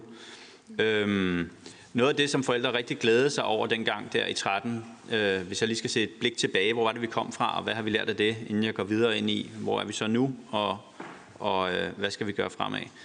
Øhm, det var det her med at få en mere varieret skoledag, få plads til flere projekter, få mere bevægelse i skolen og få skolen i bevægelse, om man så må sige. Så der var plads til alle børn, mere motiveret skoledag, øh, mere variation i løbet af ugen. Øh, det, det gav en god balance i forhold til øh, nogle af de andre krav, der var omkring øh, styrket faglighed, som også er vigtigt. Øhm, så det var noget af det første, vi greb fat i. Det var, efter vi havde fået lavet et princip for understøttende undervisning, eller øh, nogle af de andre, så, så var det her med bevægelse. Hvordan gør vi det? Øh, så det er ikke bare idræt, eller bare et timeløst fag omkring sikker trafik og cykling, men faktisk er noget, der bliver integreret. Du siger det her at in og ikke at on. Det synes jeg er en, øh, en god måde at sige det på på en måde, der respekterer det her pædagogiske perspektiv for skolen, som jo ligger nedenunder det hele, det gode børneliv øh, og, øh, og formålet med skolen, altså øh, udvikling og dannelse og læring. Og det er svært, det er sværere, end man tror. Øh, og jeg tror, at Bjørn er inde på noget af det rigtige, også når du siger, at peger på det her med struktur og diversitet. Altså, hvordan har man både forskellighed og styring på samme tid? Så det har noget at gøre med niveau. Øh, og det er jo den anden del af det, altså hvordan er det egentlig, vi implementerer lovkravet. Jeg skal have blevet bedt om at komme og sige noget om, hvad forældrenes input er til, hvordan lovkravet kan implementeres. Det er jo sådan meget bestandt oppefra ned, øh, og en del af svaret er selvfølgelig, at der skal være nogen derude, der griber det og omsætter det til praksis, så det giver mening. For bevægelse bliver opfattet på alle mulige forskellige måder, som vi også har hørt. Altså, øh, det er jo ikke bare øh, tydeligvis det, der foregår på boldbanen eller, eller en halv øh, med høvdingbold. Det kan jo også være det der med at bygge det ind i fagene, øh, ordstafet, eller jeg læste et eksempel for nylig her med, med stavnsbåndets ophævelse, hvor man skulle, skulle øh, bevæge sig mellem de der cirkler, synes jeg er et virkelig godt eksempel, øh, hvor man ligesom får kroppen med. Vi lærer også med kroppen, kroppen husker. Vi bruger vores sanser meget mere. Hvis du får, får, får nogle pointer, nogle læringspointer bundet sammen øh, med det at bevæge sig, så sidder det bedre fast. Øh, og det er sjovere at være med til, især hvis du kan gøre det sammen som en gruppe. Jeg kan sagtens se, øh, formålet er godt. Jeg ved, det kan lade sig gøre. Der er gode modeller. Så, så hvad er det, der, øh, øh, der er svært? Altså, øh, det er jo også noget med, at, at, øh, at vi, vi er jo gået i gang. Det har jo flyttet noget. Øh, vi er et sted nu, hvor, hvor øh, bevægelse er mere normalt at tale om i skolen. Øh, det her med... Øh, brain breaks og lave en lufter og, bevægelse. Det har jo altid været der, men det er, det er, det er en naturlig balance. Øh, det er også sat på skoleskemaet mange steder. Øh, og de yngste børn har også øh, mere bevægelse, tror jeg, øh, end de havde før i løbet af skoledagen og i løbet af ugen. Øhm, der er også blevet plads til øh, i den understøttende undervisning, der er tilbage, altså det rum, der, der stadigvæk er tilbage ude på skolerne, at, at lave nogle, nogle projekter.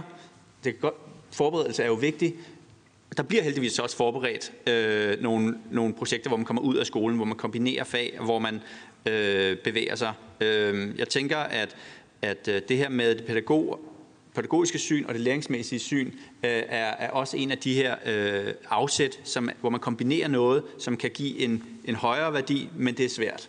Det er svært i hverdagen at få tid til den der øh, koordination og forberedelse, det, det anerkender jeg. Så det vil være øh, nogle af de input, øh, jeg så vil komme med i forhold til det fremadrettede. Altså, vi skal have øh, bedre styr på de fælles, det fælles formål, forståelsen af, hvad bevægelse er, og hvad det kan, og hvad det skal, øh, og have det sat fast i nogle principper for skolerne, så der er nogen, der griber i, i, en, i en kontekst, der giver mening. Øh, vi skal også have styrket grundlaget for at føre tilsyn. Jeg synes, nogle af de her øh, øh, grafer, som Lotte viste, og, øh, er jo er jo tydelig øh, anledning til, at kvaliteten med bevægelse i skolen øh, ikke er god nok. Øhm, vi skal også have bedre rum. En ting er tid, men der er jo også rum.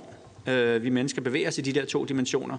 Og det med at have øh, bedre plads, altså øh, en af de ting, for eksempel, da vi førte tilsyn med vores bevægelsesprincip efter et par år, fik vi at vide, ja, en af problemerne er, at når vi laver øh, øh, gangløb, så støder vi ind i hinanden, fordi der er for lidt plads. Øh, og vi kan ikke være i skolegården, fordi den er for lille, og den er desuden for langt væk. Øh, og vi har ikke nogen boldbane øh, på den skole her. Øh, altså, der, der, nogle gange er det bare, så kan man sige, så kan man være kreativ, så man gør det på en anden måde. Jo, jo, det ved jeg godt, men hvis man havde bedre rum, bedre undervisnings, fysisk undervisningsmiljø, så ville man altså også gøre det lettere. Det er måske mest et problem i byerne, men dem er der jo også en del af. Øh, så tænker jeg, at det her med vidensdeling og, og kompetenceudvikling, altså at vi laver mere klog bevægelse, det er vi jo ikke færdige med. Det bliver vi heller aldrig færdige med. Jeg synes, øh, dansk skoleidræt er inde på nogle, øh, nogle rigtig gode ting og laver, øh, hjælper os meget med at skabe inspiration og dele viden, men det kan vi altså også blive bedre til blandt skolerne øh, med hinanden øh, og kommunerne øh, ikke mindst. Og jeg ser også lige Peter sidder dernede og på dagsordenen senere, øh, og KL har jo også til en vis grad taget bolden op, synes jeg, og prøvet at tale til, hvad kan vi gøre? Hvad kan vi gøre her? Det kan vi høre mere om senere. Og så synes jeg bare også, vi skal lige vende tilbage til, til, for, til fælles formål. Hvis det fælles formål er, er barnets udvikling øh, og dannelse, så er der jo også det, altså, og det er jo, det er jo hele, som du siger, Elisa, det er jo det gode børneliv hele dagen. Altså, så jo mere vi fylder ind i skolen, øh, det, det tager noget, noget tid fra fritiden det andet sted. Og der er mange børn og mange forældre, som føler, jamen øh, mit barns øh, bevægelsesliv, det foregår ved, at han øh, går til noget bevægelse efter skole. Det skal der også være tid til. Så vi skal også have en eller anden balance mellem skole og fritid og hjem, som er de tre arenaer, hvor barnets liv udspiller sig. Øh, nu er vi her i dag for at sige, hvordan kan vi få det ind på en god måde inden for de rammer, der er i skolen, men det har jo bare nogle omkostninger. Øh, og det, det tænker jeg er... Øh, nu har vi en, en ny balance for, for skoledagen øh, efter forliget her, øh, og, øh, og jeg tror, at nu har vi nogle rammer, som, som er til at være i, og nu skal vi få det bedste ud af det. Øh, vi skal have barnets udvikling i fokus. Når ministeren siger, at det peger jo også ned på det her med det sociale ansvar, altså der er nogle bestemte grupper af børn, som får ekstra meget ud af det her og bliver mere motiveret til at gå i skole. Det synes jeg også er et stærkt argument øh, for at gøre noget mere. Øhm, og jeg tror, jeg holder her, og så glæder jeg mig til at høre de andre oplæg også. Tak.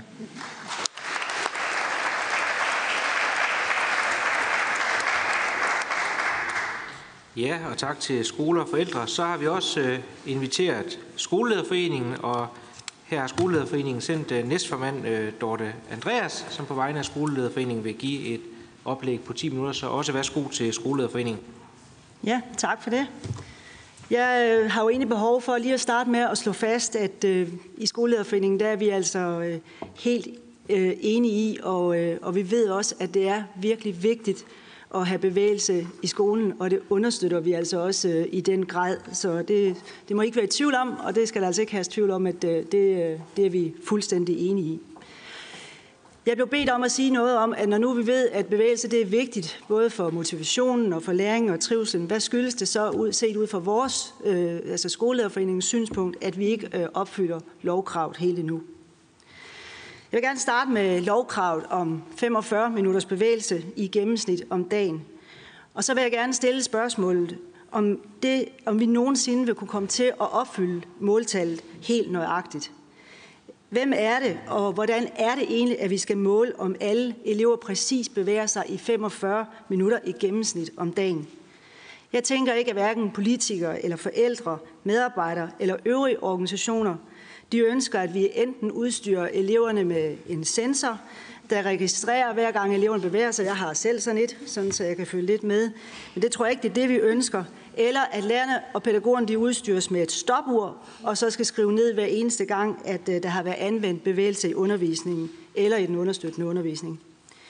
Jeg tænker heller ikke, at bevægelse det udelukkende skal rammes ind i et fast schema med bevægelse på et bestemt tidspunkt, for at vi kan opfylde det her lovkrav. Jeg synes, det skal være op til den enkelte skole og skolebestyrelse i øvrigt at drøfte og forholde sig til, hvordan at de understøtter bevægelse på skolen. Så jeg vil hellere pege på, at vi dropper det her rigide øh, måltal om 45 minutter, og i stedet så holder vi fast i lovkravet om, at der skal ske bevægelse hver eneste dag med et sigte på omkring 45 minutter. Og så vil jeg gerne foreslå, at, eller øh, lægge op til, at lærere, pædagoger og skoleledelse de drøfter med skolebestyrelsen, hvordan det er, de vil arbejde med bevægelse. Og at skolebestyrelsen sammen med skolens ledelse nu skal jeg lige se. Jo, og skolebestyrelsen sammen med skolens ledelse har ansvaret for, at der sker bevægelse hver eneste dag på skolen. Og derudover så kan bevægelse være et punkt, som drøftes mellem skolen og forvaltningen i den dialog, som de har, eller i hvert fald bør have, omkring øh, kvalitet i skolen i forbindelse med øh, skolens kvalitetsrapport.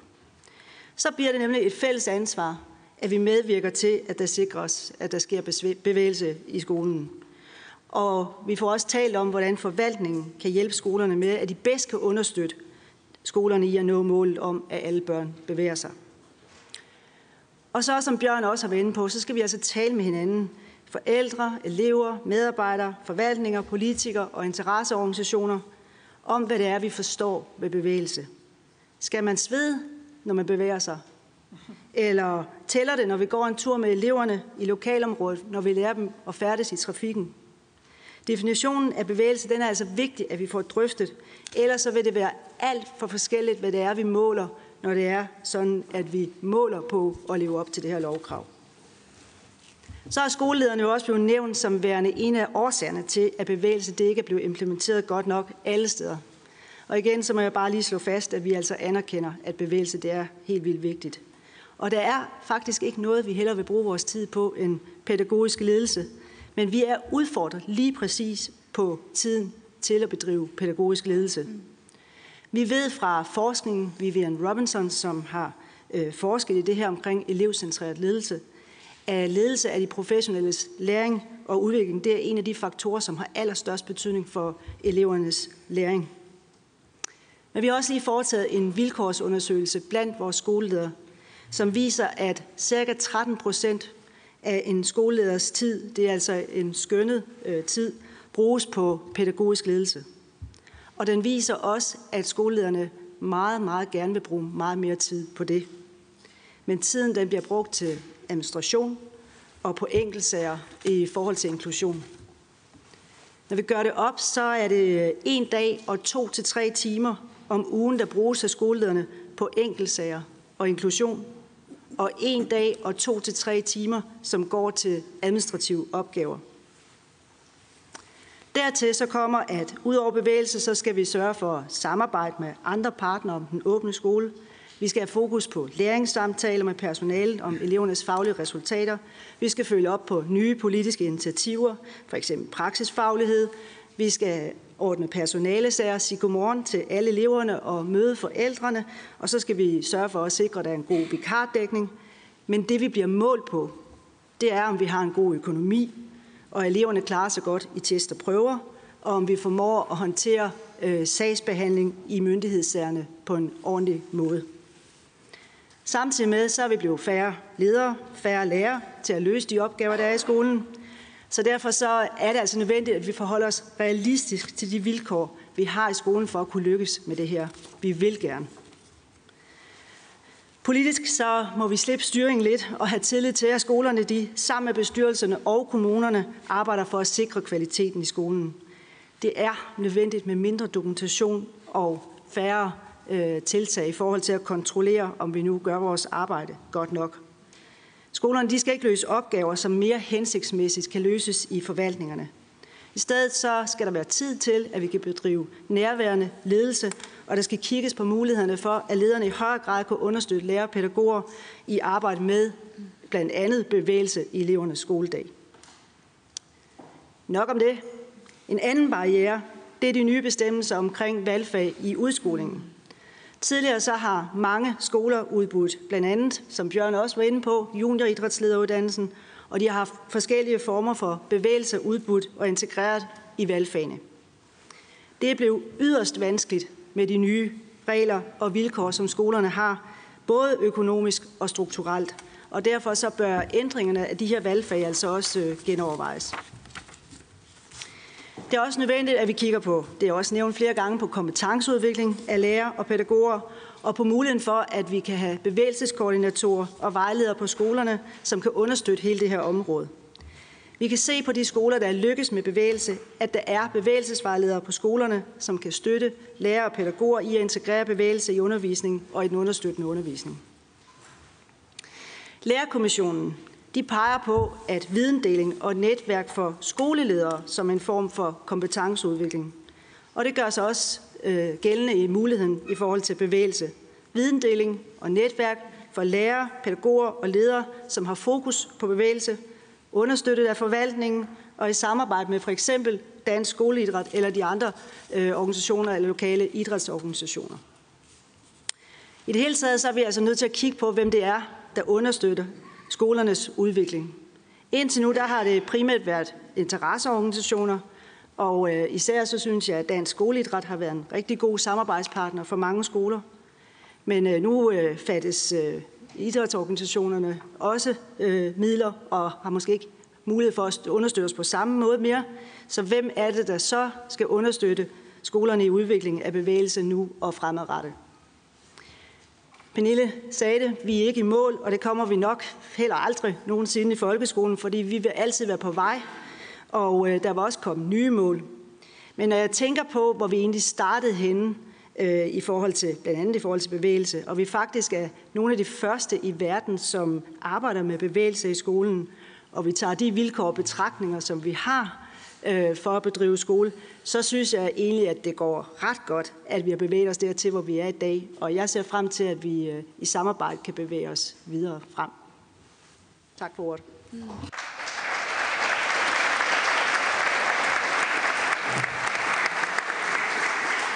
Ja, tak til øh, Skolelederforeningen. Og så øh, kommer det sidste oplæg inden pausen, og det er jo, må vi jo formode, en, der virkelig har fingeren på pulsen, fordi det er jo nemlig eleverne, som skal fortælle om, hvordan det så står til ude i virkeligheden, og hvordan det ser ud. Så værsgo til danske skoleelever ved Thea Enevoldsen. Mange tak, og mange tak for muligheden for at komme og fortælle lidt om elevernes perspektiv på bevægelsen. Jeg tror, jeg vil starte med at, at tale lidt om reformen grundlæggende. Så snart man nævner folkeskolereformen, så tror jeg, der er en masse sådan af de der buzzwords, der med det samme popper ind i alle vores hoveder, eller alle, der bare har arbejdet en smule med skolen og skolepolitik. I kender dem jo godt. Det er åben skole, det er virkelighedsnær undervisning, øh, det, er praksis, det er praksisfaglig undervisning, og så er det jo også bevægelsen. Og særligt den her bevægelse, den aktive undervisning og en skoledag, der er i bevægelse, det er noget, som mine medlemmer, eleverne, konsekvent siger, får dem til at glæde sig til at komme i skole. Det motiverer dem mere. Det gør skoledagen mere varieret og giver dem mod på at lære mere. Og jeg kan sige, at hver gang vi nævner det her, hver gang vi spørger nogle elever, så er det her dommen. Hver gang. Eleverne vil rigtig, rigtig gerne en aktiv skoledag, og vi vil gerne bevægelsen. Også fordi vi særligt kan se jamen med vores egne øjne, at når bevægelsen bliver implementeret godt i undervisningen, jamen så er der også flere af vores klassekammerater, der kommer med. Jeg kan særligt huske, da jeg også selv gik, gik i skole, hvilket kun er et halvt år siden, der var der, øh, der var der altid den der dreng i klassen. I kender ham jo godt. Han har også været i jeres klasser. Der havde svært ved at følge med, når vi skulle øh, tærpe igennem de der 50 spørgsmål til analysen af den der roman, vi læste i dansk.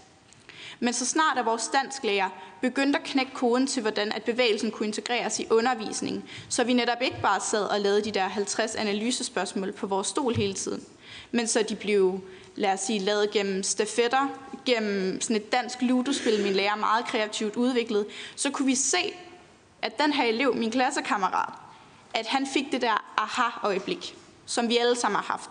Han kunne lige pludselig se pointen bag romanen. Og det synes jeg egentlig også er et argument nok i sig selv, for at vi skal lykkes med bevægelsen. Fordi bevægelsen får alle eleverne med.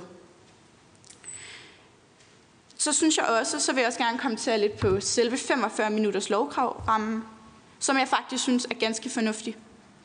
Fordi den har gjort eleverne bevidste om deres egen skoledag, og om hvad kvalitet er i deres egen skoledag. Det er noget, man ikke snakker særlig meget om, men rundt omkring i alle klasselokalerne i Danmark, så vil du høre elever, der snakker om, har vi bevæget os nok i dag? Det synes jeg faktisk ikke, vi har. Det skal vi da gøre noget ved. Det synes jeg er fantastisk, at vi har elever i Danmark, der er så bevidste over, hvad der gør deres skoledag god. At de har den dialog med hinanden, og de faktisk også er villige nogle gange til at holde deres skoler og deres lærer op på det. Det er ikke en dårlig ting. Det er en fantastisk ting. Og det synes jeg faktisk, vi skal understøtte. Og bruge eleverne mere aktivt som en ressource for at fremme bevægelsen. Og høre deres input og høre deres feedback til, hvordan man kan få den her bevægelse integreret endnu bedre i selve undervisningen, så det netop ikke bare bliver at løbe to runder ude i skolegården.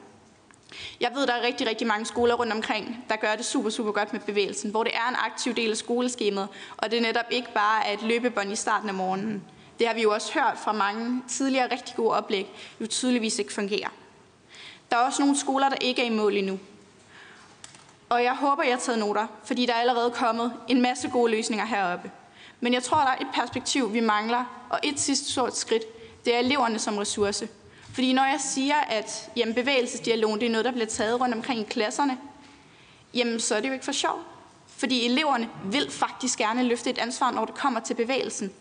Elever er faktisk grundlæggende ret snusfornuftige, på trods af alle fordomme, der nu kan herske om ungdommen nu til dags.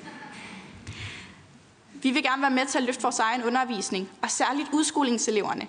Vi kan, jo, vi kan jo se og mærke og føle, når vi lærer og når vi ikke lærer, og det gør vi gennem bevægelsen.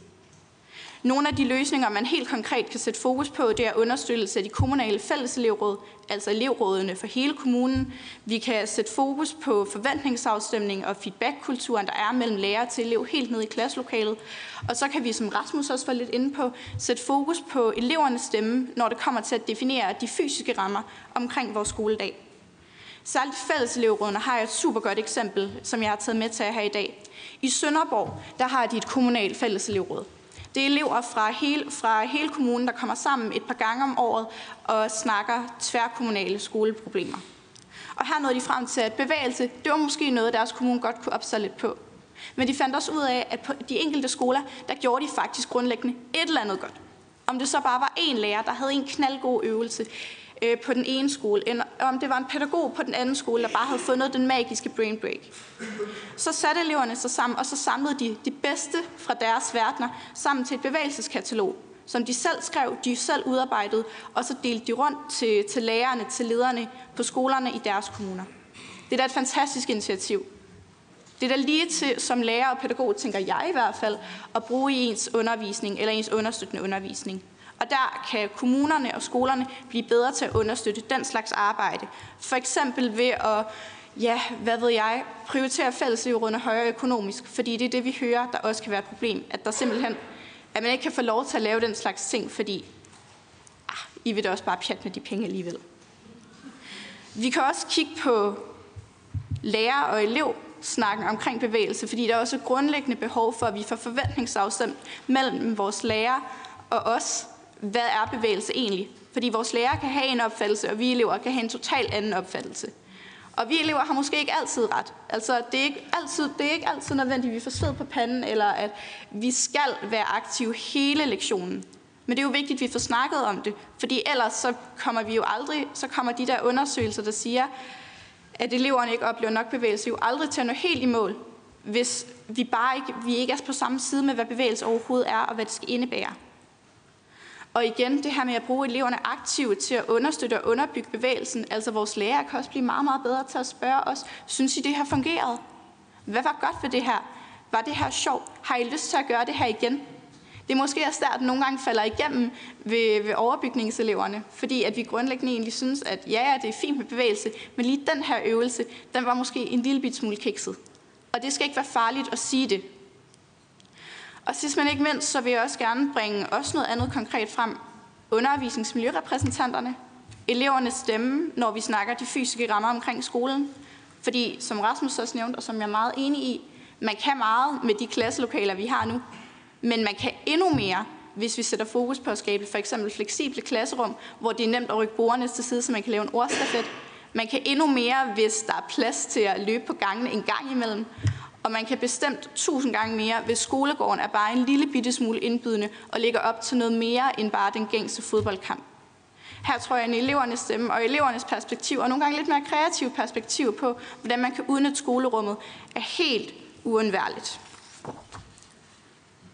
Og til sidst så vil jeg bare sige, at jeg er jo godt klar over, at det her det lyder som, nogle, som lidt som småting i forhold til det, vi måske har en tendens til at snakke om, særligt i de her store høringsformer. Men det er jo de her små ting, de små lokale løsninger, der bliver lavet i samarbejde med eleverne, skolelederne og lærerne, der håber sig op og virkelig ender med at gøre en konkret forskel. Og det var egentlig alt det, jeg havde at sige. Nogle gange er de nationale strategier ikke det, der får os i mål, men nogle gange er det ganske enkelt bare eleverne og lærerne, der arbejder sammen. Tak.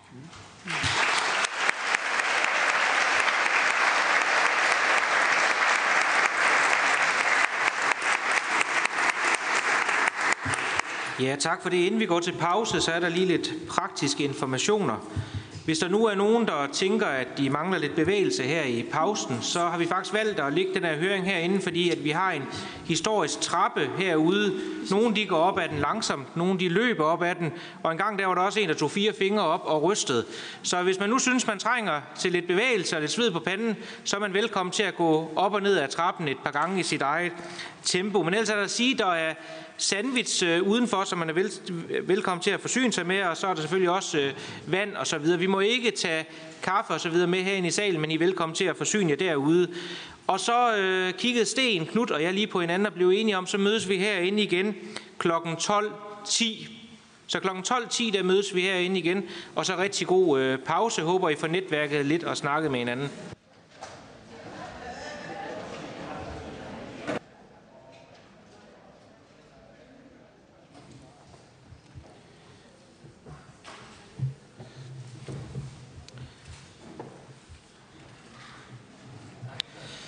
Ja, jamen øh, velkommen tilbage efter pausen. Da Sten Knud og jeg sad sammen med, med sekretariatet og planlagde det her program, så var en af vores vigtige punkter også til programmet, det var, at vi gerne ville have nogen med på programmet, der kom øh, ud fra kommunerne, der kunne give lidt øh, inspiration, og vi spurgte faktisk sekretariatet, prøv at afsøge og prøv at spørge frem til nogle steder, man gør det godt, man gør det anderledes. Og derfor øh, synes vi, det er rigtig dejligt, at vi nu kan byde velkommen til øh, Nyborg Kommune ved børne- og ungedirektør Marianne Stintebjerg. Sådan tror jeg, det udtales, ellers må du rette mig. Men øh, værsgo.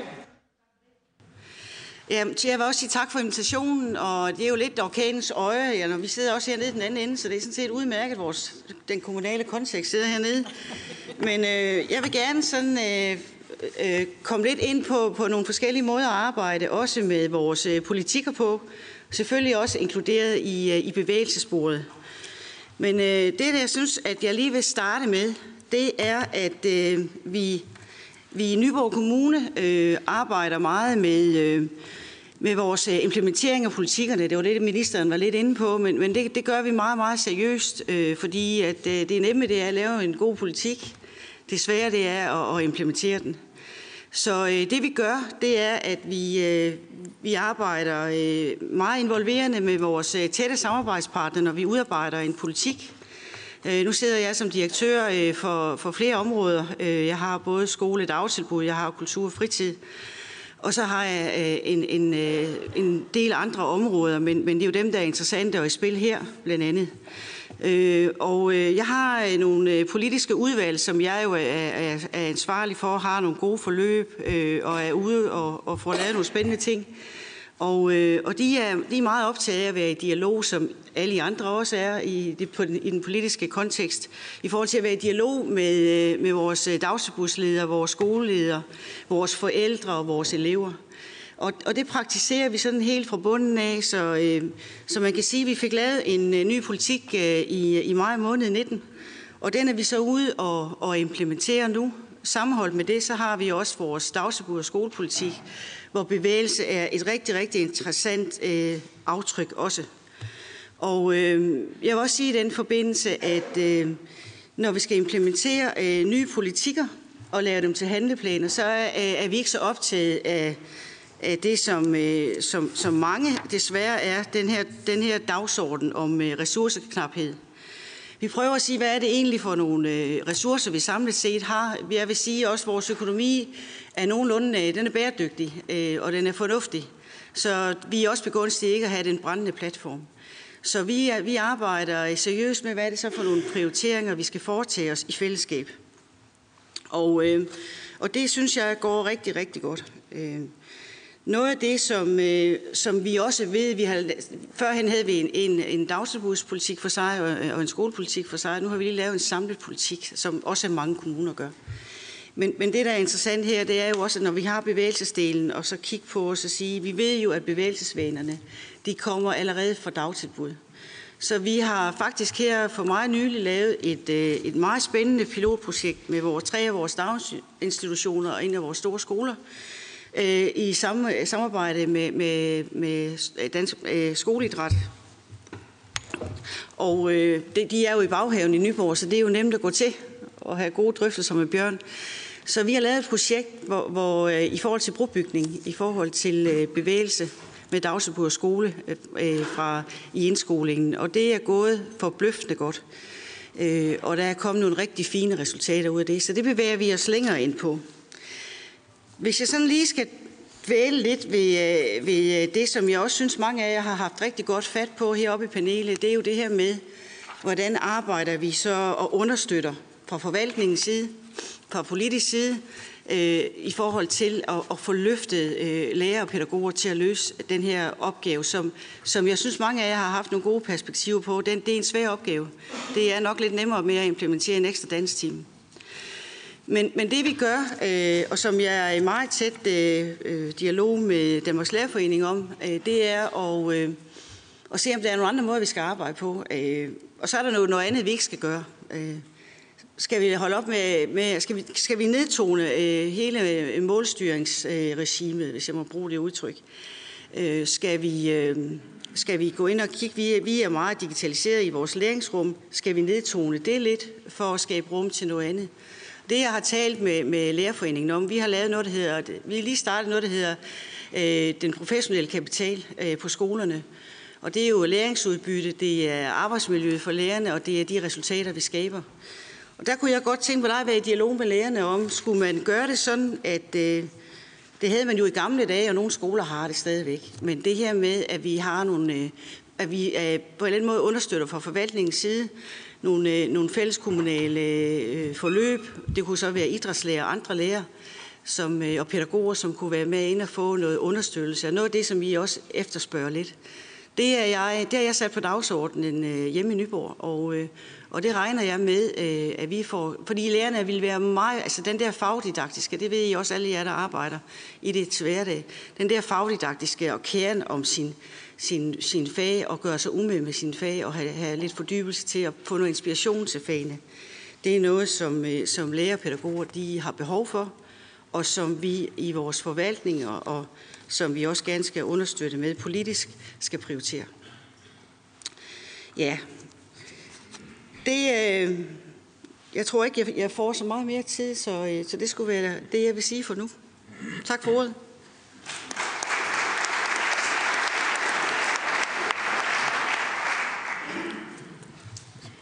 Ja, og så har vi også øh, fundet det inspirerende at øh, få lidt mere indsigt i øh, det her, som er begyndt at blive meget mere udbredt, også blandt de unge, nemlig øh, e-sport, og hvordan fysisk sport og e-sport det egentlig kan tænkes ind i en, øh, i en skolehverdag.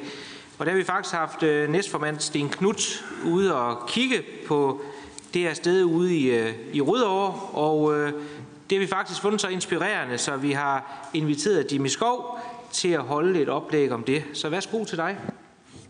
Mange tak, og tak for invitationen. Det har jeg været rigtig, rigtig glad for. Og ja, nye måder at arbejde på, det er så det, som jeg vil prøve at give et lidt, lidt praksisnært billede øh, af, hvordan er det, vi arbejder i Rødovre Kommune, og øh, i, i særdeleshed på Henningsholm Skole, hvor jeg er afdelingsleder med bevægelse knyttet op til e-sport. Det er der, det, der, det er der mange skeptiske blikke omkring, ikke i salen her måske, men, øh, men ude omkring, når man prøver at i talsætte det. Så det håber jeg på, at vi kan få skabt en forståelse af. Øh, spil kan utrolig mange ting. Og øh, jeg går ud fra, at der er mange af jer, der har snydt. vi har en push, og vi har en pull-effekt, øh, så lad os nu gøre brug af det. Ikke? Vi får et smil på læben. Det, det er jo sjovt, ikke? Der var ikke ret, rigtig mange af jer, der vandt i denne her konkurrence, vel? øhm, og det er også det, vi er rigtig glade for hos vores elever. Vi vil gerne give dem et rum, hvor de kan udfordre sig selv, og hvor de tør være til stede Både dem, der fysisk er dygtige med, med deres krop ude i den virkelige verden, men også dem, der er rigtig dygtige til at bruge deres sanser inde i den virtuelle verden. Så, Øhm, hvilken positiv effekt har e-sport på børnefællesskaber? Det er jo inkluderende fællesskaber, vi også taler om her i dag, når vi taler om bevægelse. Og hvordan motiverer e-sport så reelt til bevægelse? Det håber jeg på, at jeg når omkring, inden der er gået 10 minutter. Jeg inviterede en lærer øh, til at være med i det her projekt, da jeg startede for to år siden på Hendriksholm Skole. Og øh, så talte jeg med ham, fordi jeg fortalte, at jeg skulle herind. Og, og han har så sagt det, som står på tavlen her.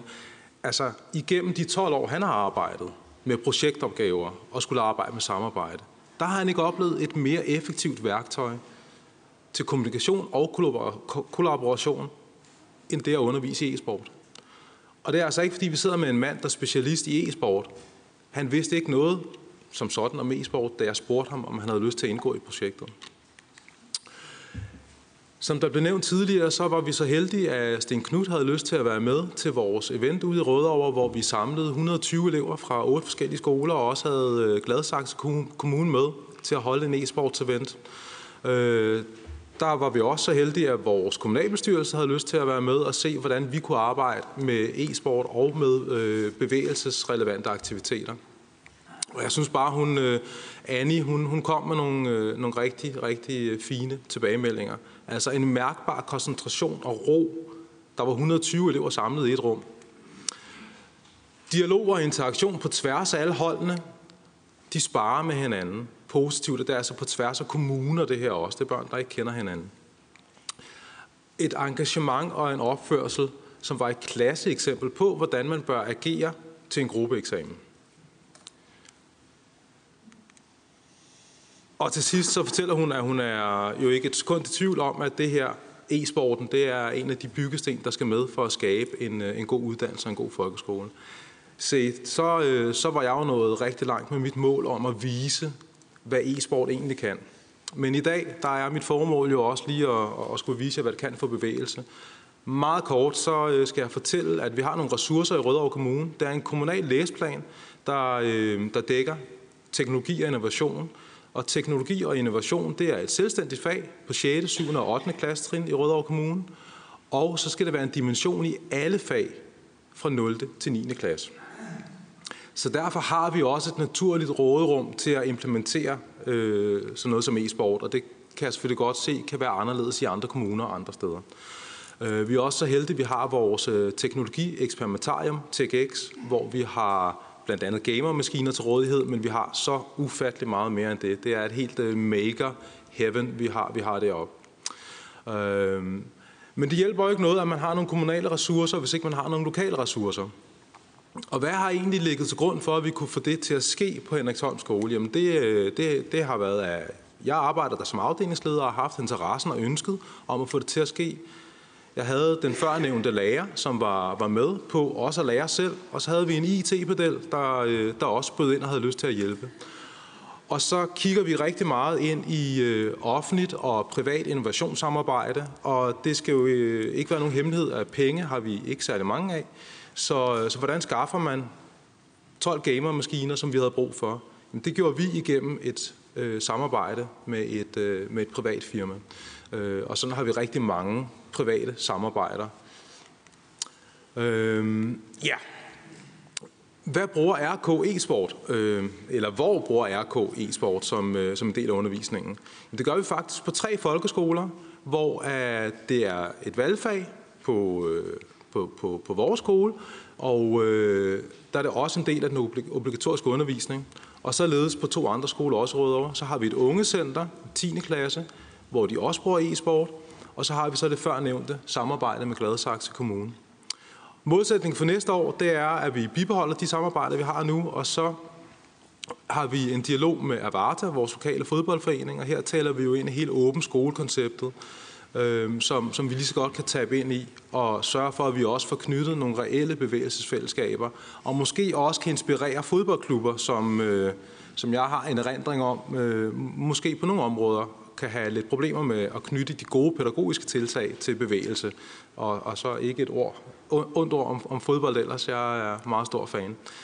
Øhm, nå, så lidt praktisk. Hvad giver mening at bruge for os giver det mening at tage fat i det spil, der hedder Counter-Strike. Det er et skydespil.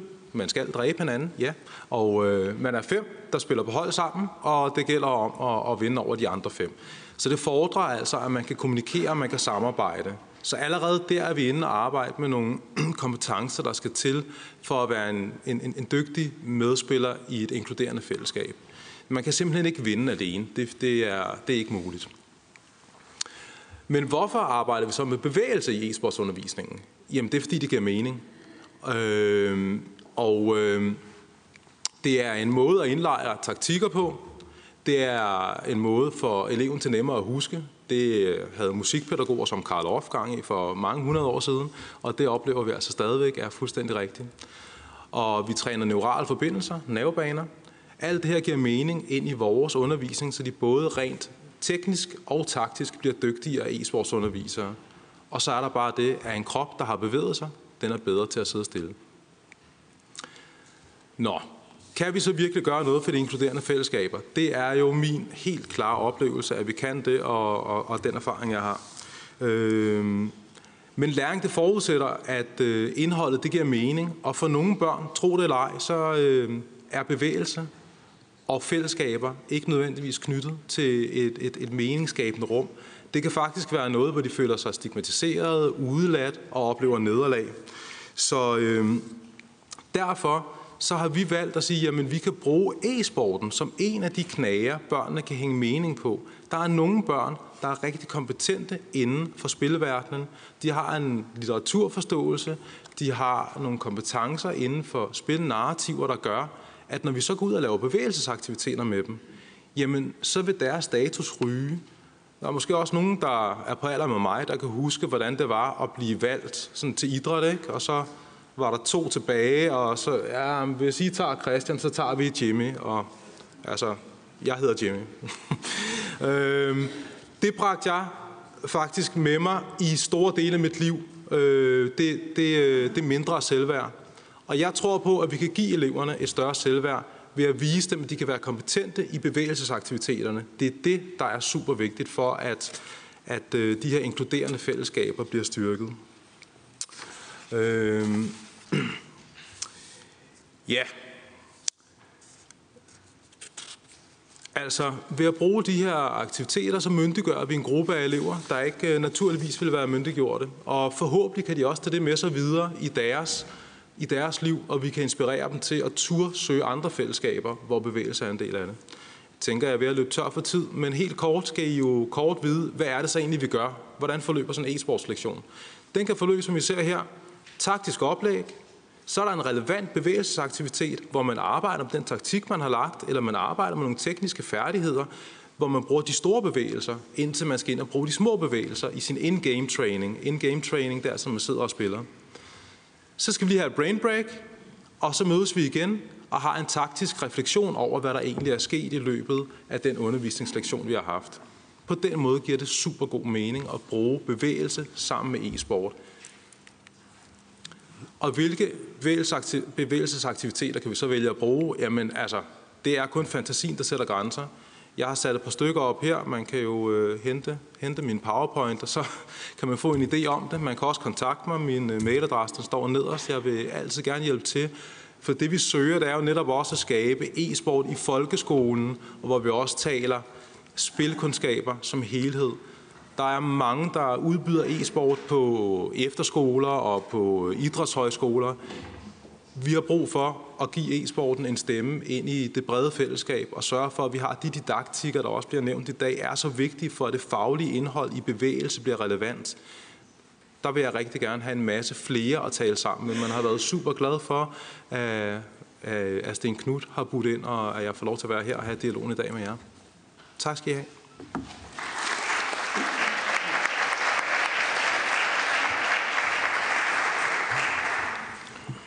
Ja, tak for det. Så har vi sidste oplæg, inden vi går over til debat.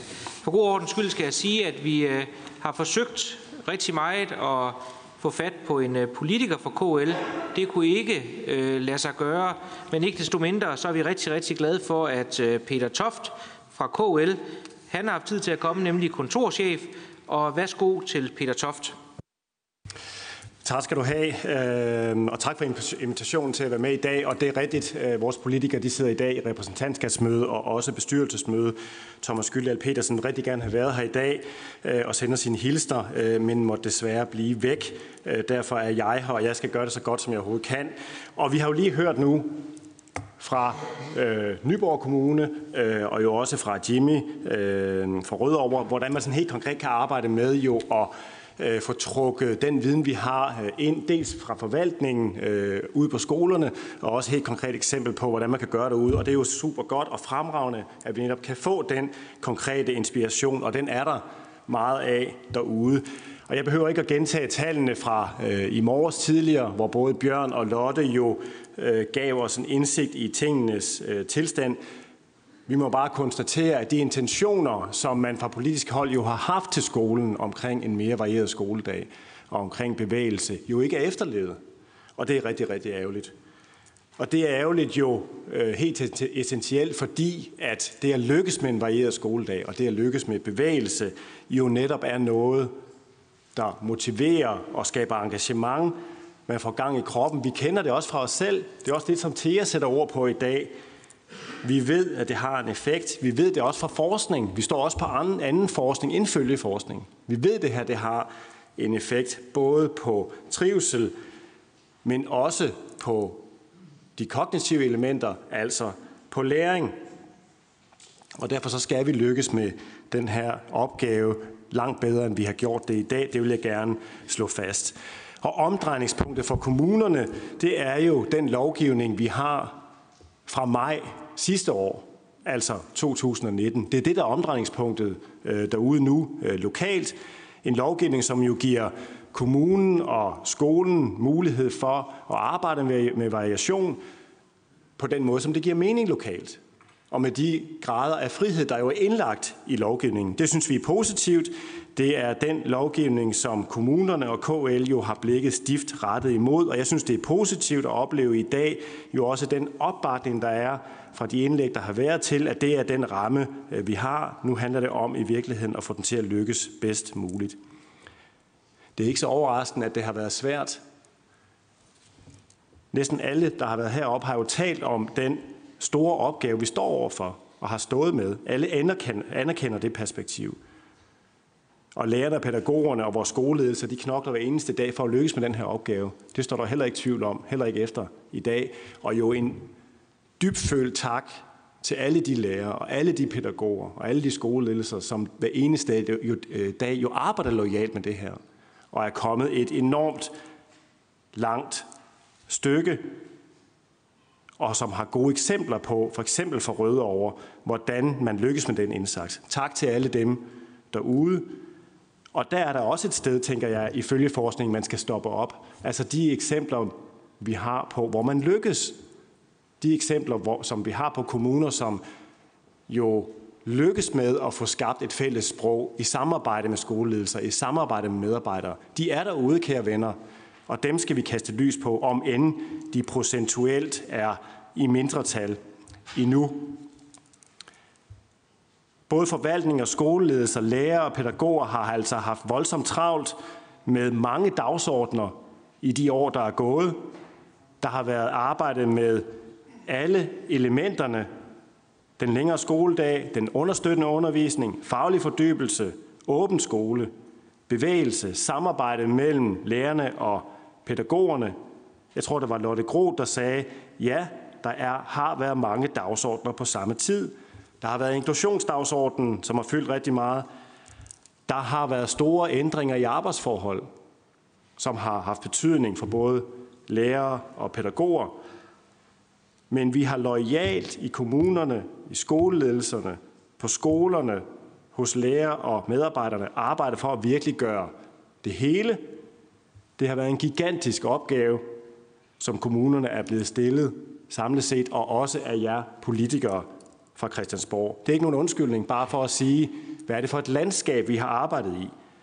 Og derfor håber jeg også, at tallene fra Bjørn og fra følgeforskningen giver anledning til, at vi parter, der jo er samlet her i dag, vi rykker endnu tættere på hinanden om at løfte opgaven fremadrettet, frem for at pege fingre af hinanden.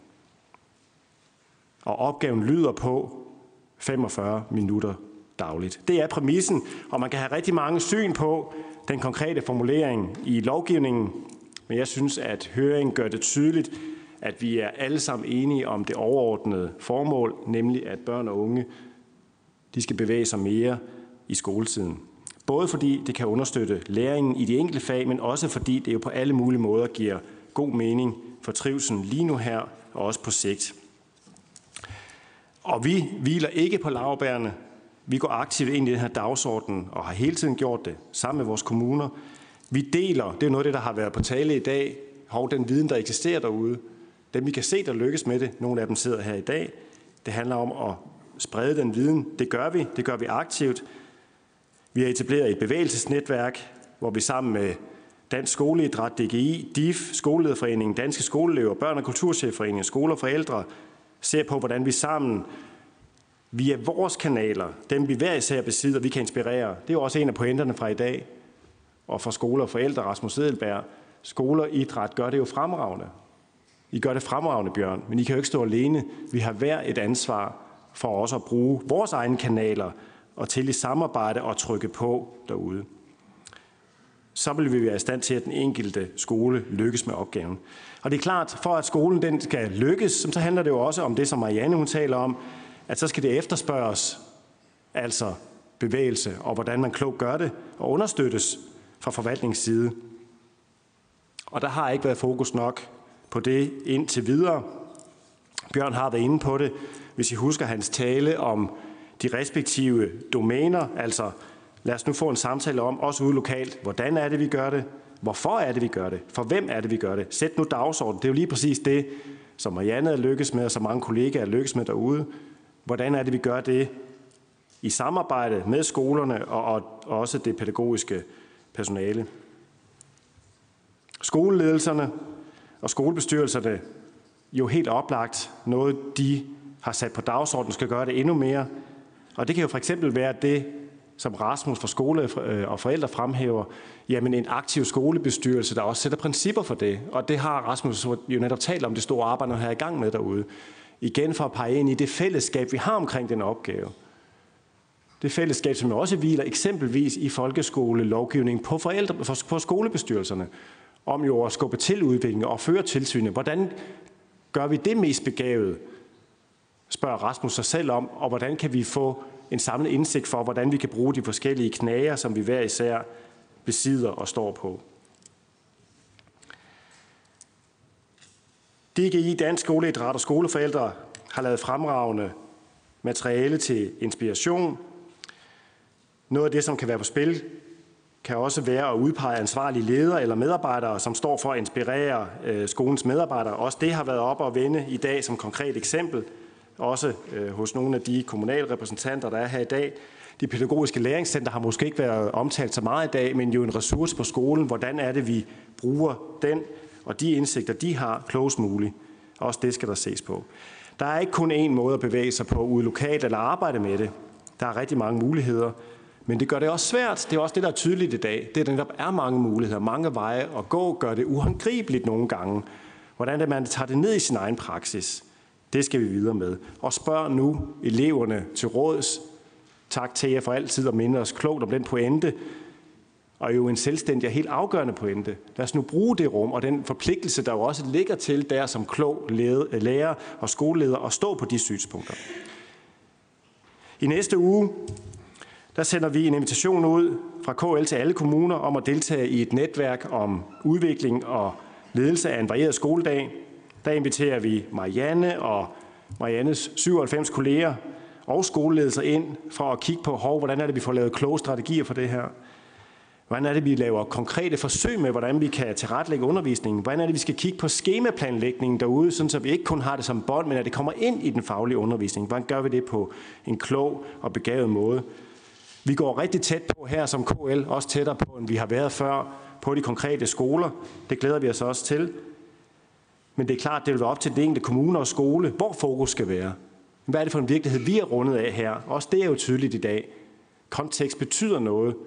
Virkeligheden ser ikke ens ud derude. Vi skal ikke gøre det på den samme måde. Men formålet er jo fra vores side at understøtte den enkelte kommune i at sætte skub på det her arbejde. Og netværk og vidensdeling mellem kommunerne, det er selvfølgelig også en central del af lige præcis det netværk, vi stiller op med her. Vi kommer til at kigge på de røde tal, når vi læser de evalueringer, som vi er blevet præsenteret for i dag. Men lad os nu huske på de steder, hvor vi lykkes med, og lad os få delt de eksempler, bedst muligt, sådan så vi står på skuldrene af hinanden. Vi skal endnu tættere på, og nu handler det om at stå på de redskaber, den viden Bjørn har omtalt, og få det ud at leve, og det vil vi gerne øh, være en del af. Når ministeren taler om et notat, hun har liggende i sin skuffe, om hvordan hun skal reagere på kommuner, som ikke er nået langt nok, øh, så have en mente den store opgave, I har givet os, og have en mente de mange jo positive skridt, vi har taget i den rigtige retning. Have i mente, at vi er stærkt lojale og forpligtet på den her dagsorden. Der er intet, vi heller vil, end at virkelig gøre de intentioner, I har her fra Christiansborg. Men det glæder vi os til at tale mere med ministeren om. Tak for ordet.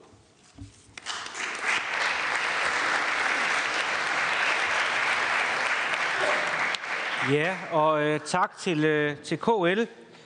Så skal vi til over til debatten. Der er lige lidt udskiftning. Vi skal lige have Thea Enevoldsen og Dorte Andreas op på podiet. Og øh, så er der tre yderligere politikere fra udvalget, nemlig Jule Skovsby fra Socialdemokratiet, Marianne Hjelved fra det radikale Venstre og Ellen Trane Nørby fra partiet Venstre, som vi også inviterer op på podiet. Og da Sten og jeg vi øh, kiggede deltagerlisten igennem, så kunne vi jo se, at der var rigtig mange interessenter. Bare for at nævne nogle, nogle få, der er her i dag, så kan vi nævne Cirkusmuseet, Spejderne, Cyklistforbundet, Lokale- og Anlægsfonden, Dansk øh, Skolecykling, Diabetesforeningen, Game, Nordea-fonden, og der er også mange repræsentanter fra kommunalbestyrelserne. Den mindste kommune, jeg lige kunne se, som jeg tror, der er her, det er Fanø Kommune, så der har man både taget med et skib over i dag og et tog for at nå til København. Og derfor vil vi selvfølgelig også øh, bestræbe os på at stoppe til tiden, fordi der er ikke noget værre, hvis man har togbillet og færgebillet hjem, at man så bliver forsinket. Så vi bestræber os på at stoppe til tiden, men ikke desto mindre så håber vi, at vi får en rigtig god debat. Og nu vil Sten gerne speede mig op, men jeg skal lige sige det, det praktiske, det er, at øh, når man får ordet, så vil vi gerne bede om at rejse jer op, lige sige, hvem I er, hvor I kommer fra, og normalt, når man holder de her høringer på Christiansborg, så er det sådan, at panelet de starter ud med at få sådan en 20-25 minutter til lige at vende dagen og så videre. Men nu Sten og jeg, vi er ret nyvalgte, og vi tror sådan set på, at der er en grund til, at man har fået to ører og en mund. Det er, at man skal lytte.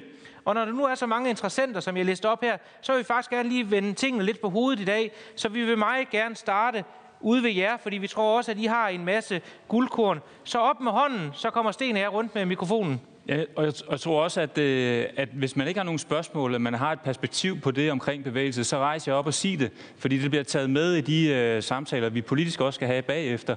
Øh, så man behøver ikke at stille spørgsmål. Man kan bare rejse op og sige, jeg kommer fra det her, har I overhovedet tænkt på det her? Så velkommen. Hvem vil være den anden? Det var her.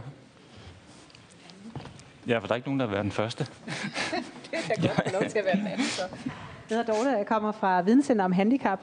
Og, øh, og vi er jo rigtig glade for at høre, at øh, noget, der faktisk viser sig i den her undersøgelse, det er, at børn, der får specialundervisning, de får rigtig meget ud af bevægelse. Øh, og det vidste vi godt lidt om i forvejen, men, øh, men det er vi glade for at se. Vi er jo øh, bare så øh, lidt bekymrede, fordi det viser sig samtidig i nogle af de undersøgelser, som øh, Dansk Handicapforbund har lavet, eller øh, Danske Handicaporganisationer, undskyld, Øh, at øh, der er rigtig mange af de her børn i den målgruppe, både dem med sociale og psykiske og fysiske handicap, som faktisk bliver undtaget, både fra bevægelse og fra idræt. Det er sådan, at en tredjedel af forældre i den her undersøgelse melder tilbage, at de øh, bliver, altså deres børn er undtaget. Nogen bliver det, fordi forældrene holder fast i det, men rigtig mange af de her forældre, de fortæller, det er fordi, at pædagoger og lærere ved alt for lidt om tilpasset bevægelse. Hvordan gør vi, når nogen har en eller anden form for fysisk eller psykisk udfordring? Og det kan både handle om at tilpasse til noget fysisk, men det kan også handle om, hvilken struktur laver man, når man har en gruppe, der for eksempel har former for ADHD eller andre øh, opmærksomhedsforstyrrelser. Så jeg tænker, at med det her afsæt vil det være rigtig godt at sætte noget handling på, hvordan vi får en mere tilpasset bevægelse i fokus. Jeps, og den, øh, det husker panelet, at vi har en kommentar til den, så er det fra her fra spejderne. Ja, og du sagde det jo allerede. Ja, Mit navn undskyld. er Frej Hjelbæk, jeg er kommissionschef for, for spejderne. Øh, og det her det bliver nok lige så meget sådan et, et, et indspark øh, til et, et, et stort område, som jeg ikke tror, vi kan nå at klare på de sidste 20 minutter her. Øh, men fra vores side, fra spejdervæsenets side, øh, skal der i hvert fald bare lyde en opfordring til, øh, netop som vi også har berørt lidt, Bjørn, du var inde på det i starten også, øh, og måske kigge på bevægelsesbegrebet så bredt som muligt. Øh, fordi at når man snakker om bevægelse, så, øh, så ryger vi tit over i den kasse, som vores meget gode kollegaer fra, fra DIF og DGI så, så fornemt løfter på den del. Øh, men vi ved også øh, fra vores 70.000 spejder, at når de er på svampejagt eller bygger huler højt op i træerne, eller hvad de laver, så er der også masser af bevægelse involveret. Og vi har en masse redskaber, metoder og forankret rundt om i hele landet, på linje øvrigt med, med gadeidrætten, som også er til stede i dag, Øh, og så opfordringen herfra skal nok også være, når man nedsætter nye udvalg eller laver nye platforme, som, som kan tilbyde inspiration til skolerne, så tænk på øh, civilsamfundet som en, en, en bred og stor størrelse, øh, og vi er mange, som, øh, som meget, meget gerne vil, vil bidrage. Øh, ikke fordi vi har en, øh, en drøm om, at der kommer flere spejder eller flere til basket i, i Streetmaker, tror jeg, men men fordi vi faktisk har en, øh, ja, for vores vedkommende 100 års erfaring med at aktivere børn og unge også uden for kridtstregerne. Ja, så har vi også en herover. Værsgo. Jeg hedder Anders Hallinger fra VIA University College. Leder et lille laboratorium, der hedder et bevægelseslaboratorium for bevægelse og pædagogik. Så det er lige sagen her. Øh, tak for alle øh, indlæg og oplæg og debatten i det hele taget. Øh, jeg vil adressere et lille øh, punkt, som du også er inde på, Bjørn. Det der med, at øh, udskolingseleverne, altså de ældste klasser, de har vanskeligt ved det her, eller vi har vanskeligt ved at få det implementeret i de, der, øh, i de klasser. Øh, og til, jeg har i hvert fald nogle udsagn fra nogle elever i den del af skolen, som siger, det forstyrrer jo lige når vi er ved at have fat i det, som det handler om her i matematik eller i fysik, eller hvor sådan vi nu er inde i, øh, i fagene. Hvorfor skal vi så lige op og stå og rundt og gå og gøre et eller andet? Så det, der er helt, helt afgørende i den øh, kontekst, særdeleshed udskolingen, men jo skolen som helhed, det er jo det, som lærer og pædagoger er optaget af, at skabe god undervisning. Altså, at eleverne lærer noget. Og derfor er det jo helt, helt afgørende med den didaktiske vinkel, at vi får knyttet bevægelse an til den læring, som nu skal foregå i det fagfaglige emne. Og det er en vanskelig opgave. Det er en rigtig, rigtig vanskelig opgave, og det tager tid. Vi har arbejdet med det i fire år på, på øh, 25 skoler med, med nogle få lærere og pædagoger. Og det er jeg rigtig glad for, at Rasmus fra, fra Skole og Samfund øh, refererede til i forhold til øh, øh, Stavnsbånds øh, øh, eksemplet, som faktisk er udviklet af nogle lærere på en skole i Skanderborg sammen med os. Det er lige præcis det, der, der skal til for at få udskolingseleverne med på det her, og i særdeleshed også de pædagogiske medarbejdere. Tak. Yep, og så har vi, tænker jeg lige den sidste her, inden at vi ryger op i panelet.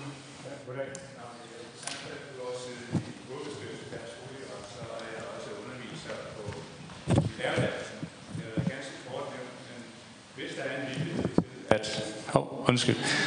Hvis der er en villighed til at øh, efteruddanne lærerne og bruge midler på det, så kan man blive ved med det i rigtig, rigtig lang tid, hvis man ikke også indtænker, at læreruddannelserne nok skal have et, ah, kan vi kalde det kærligt skub, øh, i forhold til at styrke uddannelsen af øh, de nye lærere, der kommer ud. Som det ser ud nu i dag, så selvom der er kompetencemål nævnt i øh, kan man sige, læreruddannelsens øh, forskellige fag, så øh, er vi ikke, eller man kunne sige, et godt stykke fra at være i mål.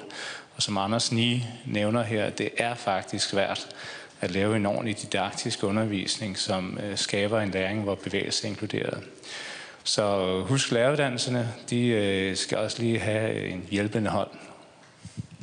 Tak for det. Jeg tror, vi skal til at op i øh, panelet og høre, om der er nogle kommentarer. Og øh, I er jo velkommen til at markere men jeg hører, at en, der bliver nævnt direkte med navn, det er dig, Bjørn. Du er også den, der havde det længste indlæg. Så kunne du ikke tænke dig at starte med at reflektere over indsparkene fra salen? Jo. Jamen, øh, jamen, først og fremmest vil jeg sige til, til Dorte og Videnscenter for Handicap, fuldstændig enig i forhold til, til vigtigheden af, at de elever ikke bliver fritaget fra idrætsfaget på baggrund af, at de ikke kan indgå i den eksamen, som nu er blevet obligatorisk. Det har jo ikke bare en konsekvens i forhold til deres øh, generelle trivsel i skolen og, og sociale trivsel omkring deres fællesskaber der. Det har jo også den konsekvens, at de nu ikke kan komme ind på ungdomsuddannelser længere, hvis de ikke har aflagt eksamen i idrætsfaget. Så meget, meget, meget vigtig dagsorden, vi har sammen der og få gjort noget ved. Øhm, og til Frej og spejderne, helt enig. Et mangfoldigt bevægelsesbegreb er helt grundlæggende, for at vi kommer videre ind i det her. Og det er jo i virkeligheden også den problematik, jeg forsøgte at adressere i forhold til, at, at det er det, der gør det svært. For hvad er hele forståelsen af bevægelse? Og det, det er også en, en konklusion, jeg generelt drager mig i dag, også for de andre oplægsholder. Det må være step 1, og i virkeligheden den allermest lavt hængende frugt, det er, at vi får taget en dialog med hinanden om, hvad, hvad er bevægelse for os på den her skole, vi nu engang er på, i den kommune, vi er på, og hvad vil vi med det? Og så kan vi derefter arbejde ud og kigge på, om der så skal være spejderbevægelser eller andre ting. Men indledningsvis bliver man nødt til at få konkretiseret begrebet bevægelse. Øh, ja, det var lige min øh, umiddelbart refleksioner. Vi har haft en politiker på i dag, og det er undervisningsminister Pernille rosenkrantz teil så jeg tænker, at det også er nærlæggende, at vi får et par politiske kommentarer. Og øh, Marianne Hjelved har bedt om ordet. Ja, jeg er blevet så inspireret i dag, så jeg kunne holde et rigtig langt indlæg. Nu vil jeg prøve at gøre det kort, og jeg har ikke, jeg har ikke kunnet undgå at tænke på i løbet af dagen, at de vilkår, vi har givet for implementering af en, af en skolereform, har været det mest elendige, man overhovedet kan forestille sig. Altså alene OK13 som grundlag for at få engagerede lærere ud og løfte smørmerne op og komme i gang med deres fantasi osv., har jo været jordet fra starten. Det vil jeg gerne påtage mig på Christiansborgs vegne et kæmpe stort ansvar for. Øhm, så vil jeg sige, at øhm, den seneste evaluering, der er kommet, den er jo i virkeligheden meget mere positiv, end jeg selv kan udtryk for, for man skal jo passe lidt på, at man ikke roser alt for meget. Men når man tænker på de vilkår, og der ikke er fald i trivselen på skolerne, så er det jo en fantastisk opgave, der er præsteret ude omkring. Og så kommer jeg lige med en ironisk kommentar, for sådan noget kan jeg ikke lade være med. Jeg har bemærket mig, at kravet om 45 minutters bevægelse per dag sådan set er inde på nethinden. Og jeg kan ikke lade være med at tænke på, at det svarer til en lektion på skoledagen. Og det vil sige indirekte en forkortelse af den forfærdelige lange skoledag. Så man skulle tro, den blev grebet. Men den er jo også grebet, kan jeg høre i dag. Og det giver mig rigtig, det er derfor, jeg tør være lidt fræk nu. Fordi jeg er mægtig opmuntret af de ting, vi har hørt i dag. Så vil jeg lige sige til spejderne, at øh, det er jo rigtigt, at der er brede eksempler på bevægelse. Og jeg vil godt komme med en solstrålehistorie fra dengang jeg var kulturminister. Der kom jeg jo rigtig i hænderne på de store idrætsforbund, som jeg ikke behøver at nævne navne på her. Og så er der et mindre, et der hedder Danmarks Firma Idrætsforbund, tror nok, det hedder. De har lavet kup. Jeg har hele mit liv herinde arbejdet på, hvordan man kunne få de unge, der går på erhvervsuddannelserne, til at få noget motion, noget idræt. Det kan man jo ikke. Man kan ikke bygge holder, haller, siger politikerne så til alle de der efteruddannelser, eller efterskole. Nej, erhvervsuddannelser. Danmarks Firmas Idrætsforbund, hvis det er det, det hedder. Jeg er ordblind, så derfor kan jeg ikke huske sådan nogle ting. Øhm, de har opfundet et skab, og i det skab, som der er jul på, der er der alle mulige former for rekvisitter. Den kan man garanteret også anskaffe på en skole, hvis man har brug for det, fordi man ikke hele tiden kan erobre gymnastiksalen. Det er bare for at nævne nogle ting, som faktisk er hensigtsmæssige at have ved hånden, også når man har skoleelever. Og så er det rigtigt, at vi har en kæmpe fordring for os med efteruddannelse af lærer, og der kommer en ny læreruddannelseslov i løbet af nogle år, som allerede nu er under forbehandling, om så må sige. Så der, det skal I også være opmærksom på, at øh, bidrage til det. Så jeg går opmuntret herfra, og har lyst til at give alle sammen en klap på skulderen, fordi der trods alt er håb foran. Tak for det. Dejligt. Og så giver vi Ellen Tranen ordet derefter, Bubel, og så kommer vi ud i salen, og så lader vi naturligvis også efterfølgende andre komme på. Men værsgo, Ellen Tranen Nørby fra Venstre.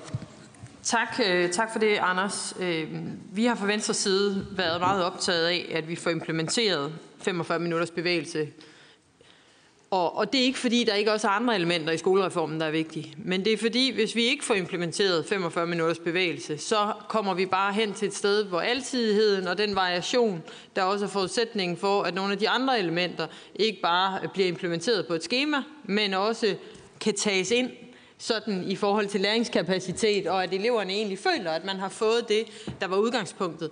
Der er det nok en af de ting, hvor vi faktisk bliver ret trist af at se, hvor meget stillstand der har været i forhold til implementeringen, men også nogle steder, hvor svigtende prioritering der er det af det. Og, øh, og, og det kan jo godt være sådan lidt, lyde lidt negativt ovenpå, eller sådan en inspirerende dag med en lang række gode oplæg.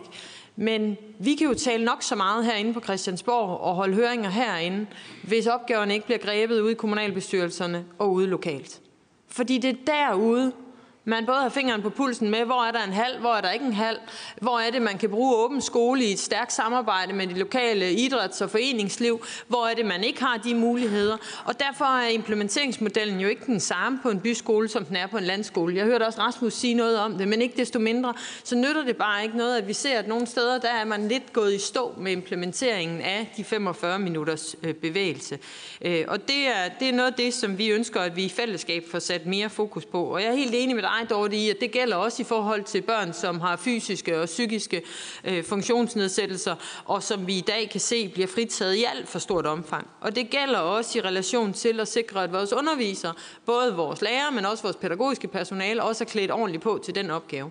Og vi kan godt tale omkring læreruddannelsen, og den reform kommer vi til, og jeg håber, I alle sammen vil bidrage med gode input i forhold til, hvad er det så for nogle elementer, hvordan skal det skrues sammen. Men jeg tror også, det er vigtigt at holde sig for øje, at en del af hele bevægelsesdiskussionen er også tæt, tæt knyttet til den mistrivsel, vi ser hos mange børn og unge, og en kropsforskrækkelse hos rigtig mange af dem flere hos pigerne end hos drengene, hvor vi kan se, at der er en stigende tendens til, at man ikke føler sig tilfreds med egen krop, man går ikke i bad efter idræt, og en lang række andre ting. Og når jeg siger, at de er nært forbundne, så er det fordi, den stigende mistrivsel, vi desværre ser, eller vi ser jo egentlig en trivselsmåling, der er stationær, men i forhold til vores sundhedsprofiler, en stigende mistrivsel blandt unge. Jeg tror, at bevægelsen også er en del af det at reconnecte, kan man sige, mellem hvem man er som menneske, krop, bevægelse, fysisk, og så også det at have nogle sociale relationer til hinanden, som ikke kun går via de sociale medier, men også handler om, at man får rørt lattermusklerne, og man får bevæget sig i fællesskab, man får opbygget nogle sociale fællesskaber på en helt, helt anden måde, end man kunne gøre i den anden del som er så vigtig i vores skole, nemlig den faglige undervisning og den dannelsesmæssige undervisning. Og derfor er bevægelse, nogen sagde, det er ikke skolens opgave. For os at se, så er skolens opgave også at være med til at understøtte en bevæger for livet, en sundhed og en generelt god trivsel hos eleverne. Men de 45 minutters bevægelse kan sådan set også være en del af svaret på nogle af alle de andre udfordringer, som vi står over for lige nu, og som optager og bekymrer rigtig mange af os. Øh, og derfor bare sige fra venstre side, vi kommer til at følge den her dagsorden op, også efter i dag, fordi det er så enormt vigtigt, at vi løfter den i fællesskab, og vi får det implementeret reelt, så eleverne også kan mærke forskellen. Tak til øh, Ellen. Så får Bubbe lige en kort kommentar. Det var, det var også bare en meget kort uh, inspireret lidt af spejderbevægelsen, og i virkeligheden også af Jimmys uh, e-sport. Uh, der kommer bare til at tænke på, at der er jo nogen, der slet ikke er blevet nævnt her i dag, uh, som jo også er, arbejder med det her. Det er nemlig ungdomsklubberne, uh, både dem, der er i ungdomsskoleregi og dem, der er på dagtilbudsområdet. Uh, og der er jo faktisk noget af det samme arbejde, og det er bare sådan en meget stor opfordring til at tænke dem ind øh, i, i det her i øh, forbindelse med åben skole også. Der er, noget, der er også noget guld at hente der, fordi de arbejder jo lige nøjagtigt med det, der hedder børn- og ungefællesskaber. Øh, og øh, ja, det var bare det som en kort bemærkning. Så har du en sten? Ja, der var her. Den er tændt, ja. Fedt. Hej alle sammen. Jeg hedder Rasmus. Jeg kommer inden for organisationen Game, hvor jeg er projektleder på det projekt, der hedder Den Nationale Platform for Gadeidræt, også kaldet Gadeidræt. Yes. Øh, vil også, jeg vil bare lige kort skyde ind med, at øh, vi har en masse forskellige ting ved Game, som vi arbejder med, og vi har en masse læring. Nogle af de forskellige ting, vi blandt andet har, det er, at vi har fire forskellige streetmakers, hvor vi i løbet af 2019 har haft 901 skolebookinger for skoler, der simpelthen kommer ind, fordi de gerne vil ramme et nyt bevægelsesrum. Nogle af de ting, vi får at vide fra lærerne, der kommer i de steder, det er, at de elever, de tager med her, de får en helt anden rolle og en helt anden oplevelse. Elever, som der ofte ikke trives særlig godt, får en anden rolle i sammensætningen af fællesskab og venner. Lidt det samme, som Jimmy han snakkede om. Og derfor så er det bare enormt vigtigt at tage det med. Og den viden vil vi gerne tage med i spil, når vi skal arbejde med mere bevægelse i folkeskolen. En anden ting, jeg også gerne vil sige, som også bænder op på noget af det, som Thea hun siger, inddrag nu, undskyld, nu siger det, for helvede eleverne så meget, som vi kan. Vi har stor erfaring med på platformen at støtte unge, som der gerne vil skabe egne faciliteter for at kunne dyrke gadedræt øh, der, hvor de nu engang bor. Og det er også at forstå bevægelsesperspektivet bredt.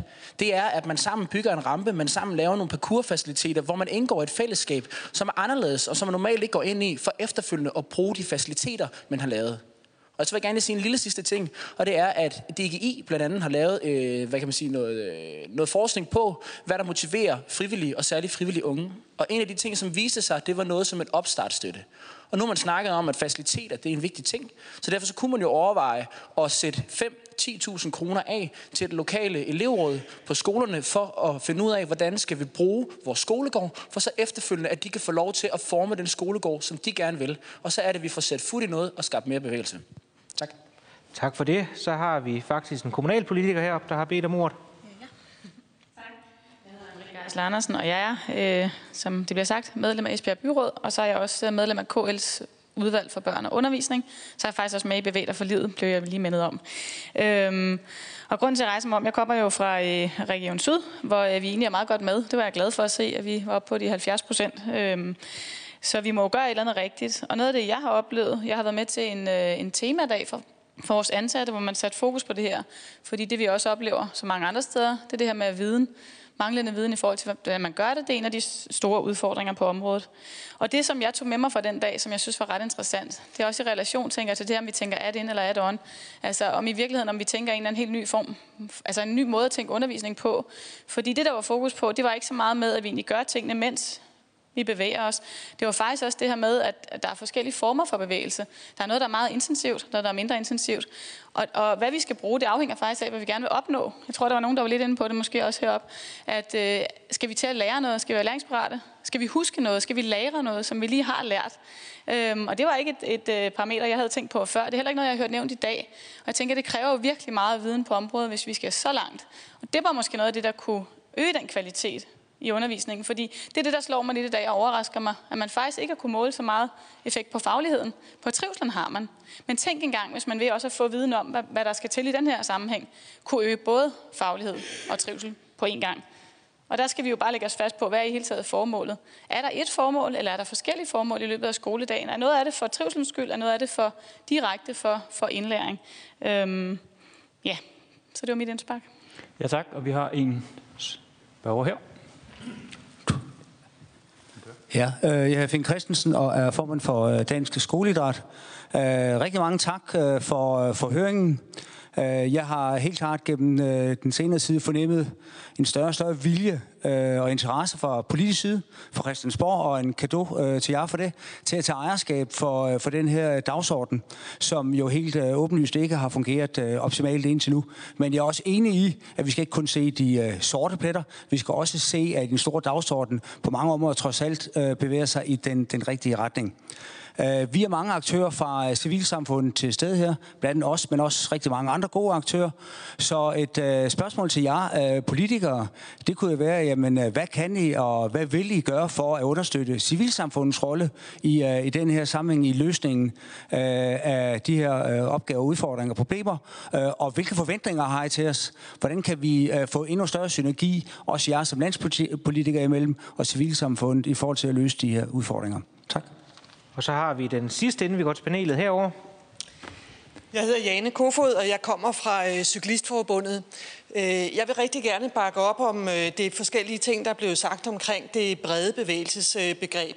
Øh, I Cyklistforbundet der følger og støtter vi skoler, der gerne vil arbejde med cykelfremme og gerne vil sikre, at flere og flere børn og unge har cyklen som en, en del af deres liv. Fordi vi ved, at jo tidligere børn begynder at cykle, jo større sandsynlighed er der for, at cyklen bliver en del af aktiv transport, bliver en del af, af deres liv resten af, af livet, så at sige. Øh, det vi hører fra flere skoler rundt om i landet, det er, at, at, at cykling og cykelfremme kan bruges til meget mere end trivsel bare i skolen. Cykling giver en frihed og giver en selvstændighed, som nogle skoler, og glæder vi os rigtig meget over, bruger meget bevidst og meget proaktivt til at give øh, børnene og eleverne en, øh, en mulighed og en større radius for at kunne bevæge sig i lokalområdet. Det er især skoler, som har mange elever, der kommer fra familier og øh, kulturer, som måske ikke har cyklen som en, en del af deres hverdag. Det er så børn og unge, der får cyklen til at kunne bevæge sig længere ud, få en større radius, komme ud til fritidsaktiviteter, komme ud til sidenhen, også få en større mulighed for at komme ud til, øh, til ungdomsuddannelser. Så derfor vil vi i Cyklistforbundet rigtig gerne pakke op om også noget af det, Bjørn siger. Giv skolerne en mulighed for at, at beslutte, hvad er bevægelse for dem. Der skal være den mulighed til at kunne tænke lidt bredere, at det ikke kun er nu der blev sagt høvdingbold, jeg ved godt, der er så meget andet, men når det rent faktisk også kan være cykling som en del af fagene og som transport til og fra skole. Nu sagde Marianne Hjelved i hendes indlæg, at hun blev helt opløftet af debatten i dag. Og nu skal vi i gang med en ny runde. Øh, nogle af dem, der fylder rigtig meget i folkeskolen, det er helt naturligt lærerne, som er en meget, meget vigtig og helt afgørende ressource i forhold til, at det her det skal lykkes. Så jeg synes, vi skal starte øh, ved Danmarks Lærerforening. Undskyld. Først så vil jeg øh, bakke op om det, Bjørn har sagt, blandt andet i forhold til børn med handicap og civilsamfundet. Det, det er helt naturligt.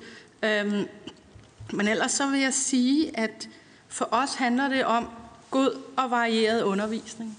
Altså kvalitet i undervisningen. Øh, så når vi taler bevægelse, så, så vil det et, fra, fra en lærers udgangspunkt handle om undervisningens tilrettelæggelse og organisering, hvor bevægelse er et element. Og jeg sidder sådan og tænker, ja, det er hoved, hænder, krop, skal være ude, skal være inde, skal være på skolen eller ude i lokalsamfundet. Er det lytte, billede, tale, læse i grupper individuelt, sidde, gå, løbe, danse? Altså det er jo det fokus, vi har som lærere, fordi det er gennem undervisningstilrettelæggelse, øh, vi, vi, får bedst, øh, vi lykkes bedst med undervisningen. Og der er bevægelse jo selvfølgelig en helt naturlig del. Øh, og det er jo den kontekst, vi ser det i, ikke som et appendix til den undervisning og den tilrettelæggelse, vi har. Og jeg tror, at øh, hvis vi skal lykkes med det her, er det, er det den indfaldsvinkel, vi skal have.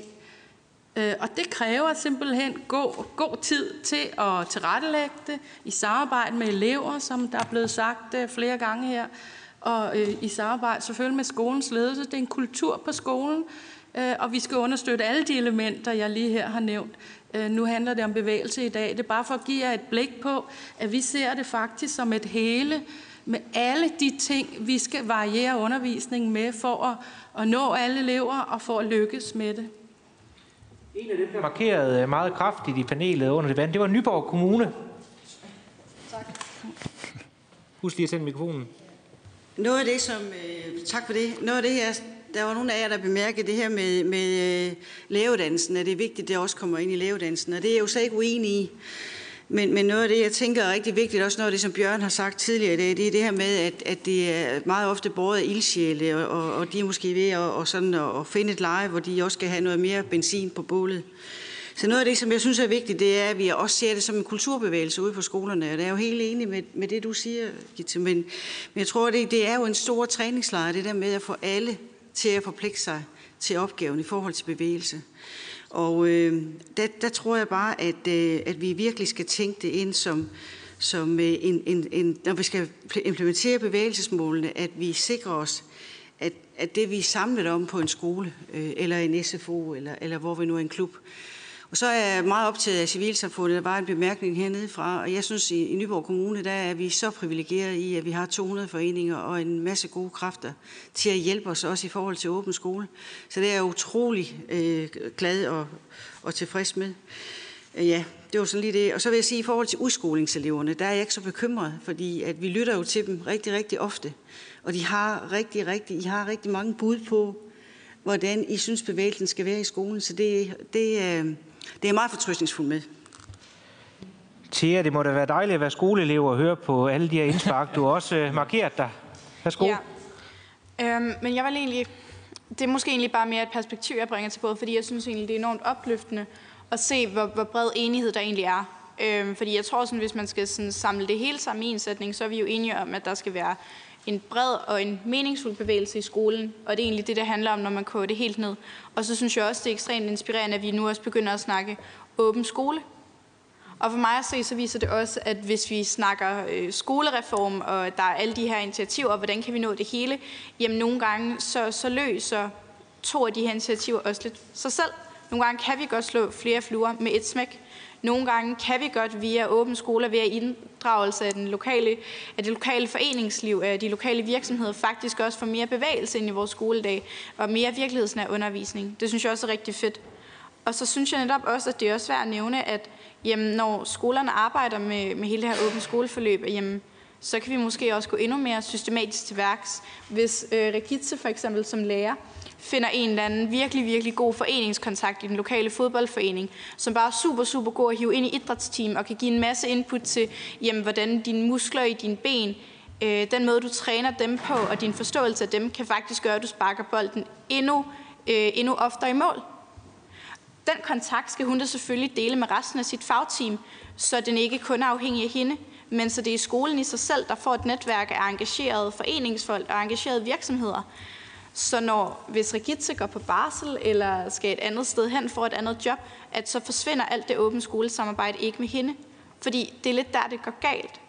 Jeg tror, at alle elever vil jo gerne have mere, have mere bevægelse, have mere virkelighedsnær undervisning og have mere åben skole. Men vi ser bare alt for tit, at de gode forløb de forsvinder med vores lærere, fordi de ikke er bundet op på skolerne. Så der tror jeg måske også, det er også lidt en opfordring til jer, der sidder ude i civilsamfundet. Når I arbejder med skoler og sådan noget, sørg for, at I kun har kontakt til én lærer Sørg for, at skolelederen ved, I findes. Sørg for, at jeres navne er skrevet ned et sted, så de andre lærere også kan, kan, kan finde jer igen. Fordi det ser vi som elever desværre alt for tit er en stopklods. Ja, vi tager lige øh, et par stykker mere i panelet, og så håber vi, vi kan nå en, en runde herude mere. Men Julia Skovsby, hvilket indtryk gør det på dig som politiker? Jamen, det var netop øh, spørgsmålet om civilsamfundet, og til at sige det rigtig godt med øh, i forhold til samarbejdet. Øh, hvad skal vi så fra politisk hold gøre for også at styrke samarbejdet med civilsamfundet? Jeg tror noget af det, vi hørte fra, fra Nyborg Kommune tidligere i dag med nedtone målstyringsregimet, det tror jeg faktisk kunne være en vej til også at styrke øh, samarbejdet, sådan så at man får lidt mindre målstyring og procesmål, øh, og får meget mere fokus på det, der er det helt overordnet, nemlig bevægelse. Og vi holder fast i lovkravet. Det synes jeg er så vigtigt. Og jeg er så glad for, at vores øh, børn og unge de har forstået, hvad det er, det betyder.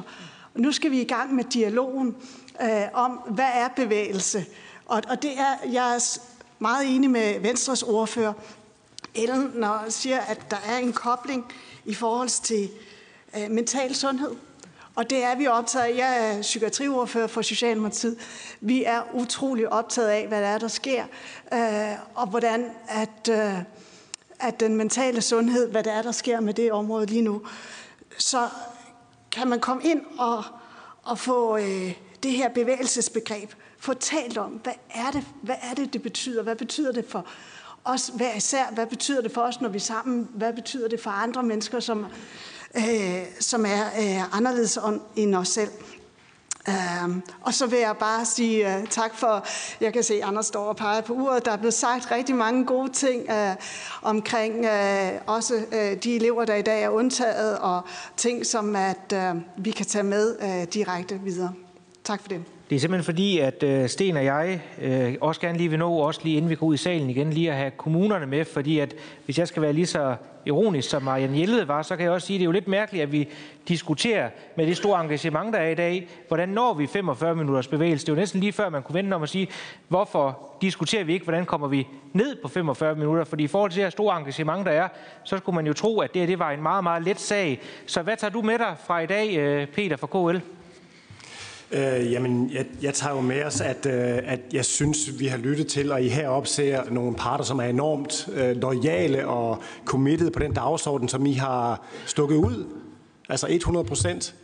Øh, jeg, tager, og, jeg, og jeg tager også med mig, at øh, jeg er fuldstændig enig med øh, Danmarks Lærerforening når de taler om, øh, at øh, Øh, vi skal lige huske på, kære civilsamfund, og jo kæmpe kado til Spider, Game, øh, e-sport, øh, Cyklistforbundet, hvor I bare er fantastiske. Men husk nu, at det her det jo også, for at fungere ind i et undervisningsrum, skal være med et didaktisk fortegn. At der bliver nødt til at være noget af det her, som er på skolens præmisser. Det er bare enormt vigtigt, at vi får taget den drøftelse og også gjort det ude lokalt. Og så tager jeg med mig, øh, Ellen Trane, Øh, point taken. Jeg kan godt forstå, at I er triste. Det er også den pointe, du har øh, i virkeligheden. Øh, men der er altså bare et stykke vej for at skrive ind i lovgivningen 45 minutter. Altså det er jo ikke på den måde, man ændrer folkeskolen derude, det må jeg bare nødt til at sige. Altså det er jo en kulturforandring, hvor der hver eneste dag derude skal arbejdes med det her, og det bliver der. Vi er ikke noget i land på nogen måde. Forvaltning og skoleledelse, skolebestyrelser, elever, lærere, pædagoger ude lokalt bliver vi jo nødt til at tage livtag med det her sammen. Hvordan vi gør det i fællesskab. Vi har også brug for, kære ministerie, at I trækker os sammen. Vi har brug for den snak på tværs om, hvad er det lige formålet er her. Lad os få genbesøgt det sådan så vi kan kigge på hinanden og finde ud af, hvordan er det, vi bedst muligt hjælper hinanden med at understøtte det her fremadrettet. Ja. Tak for det. Så har du en sten. Ja, det har jeg. Jeg tænker, at øh, vi er nede på små, korte øh, spørgsmål, hvis vi lige nu skal have rundet af, også øh, på fornuftig vis. Først var det her. Ja. Tak. Øh, Christian Bundgaard fra Dansk Blindsamfund. Jeg vil bare lige uh, kvittere for, at øh, både du, Dorte og Ellen også, hvad hedder det, uh, noteret, at tilpasset undervisning er en, en vigtig del. Og når jeg siger det, så er det, fordi jeg selv er blind, har haft meget stor glæde af at bevæge mig igennem lang idrætskarriere, og dagen er jo, når man har et handicap, det kan være et synshandicap eller andet, kan sagtens være fyldt med situationer, hvor man oplever, det kan jeg ikke, det kan jeg ikke. Men øh, de situationer, som, hvor man får lov at lykkes med eksempelvis at bevæge sig, også med et didaktisk formål, øh, det, øh, det, det, det har vi stor glæde af. Og skulle der øh, hvad hedder det, være øh, spørgsmål i den øh, sammenhæng, som man sidder derude og kan have svært ved at løse i forhold til, hvordan inkluderer man eksempelvis en blind elev i sin øh, bevægelse, så er vi fra Dansk Blindsamfund selvfølgelig altid øh, til rådighed. Tak. Så har vi også lige en enkelt herover. Tak for det. Virker den? Ui. Øh, jeg hedder Louise Biele og kommer fra øh, Danmarks Idrætsforbund. Øh, jeg vil også bare lige sige tak til udvalget for at holde den her høring, øh, og jeg er meget enig med rigtig mange af de ting, der er blevet sagt. Blandt andet vil jeg erklære mig enig i vigtigheden af at få skabt den her kulturændring ud på øh, læreruddannelserne. Øh, som det er nu, er det ikke obligatorisk øh, at have idræt øh, eller bevægelse i undervisning ud på øh, læreruddannelserne. Det vil vi rigtig gerne sikre, at alle lærere øh, kommer ud med de kompetencer, så vi i hvert fald på den måde kan, kan løfte noget af det.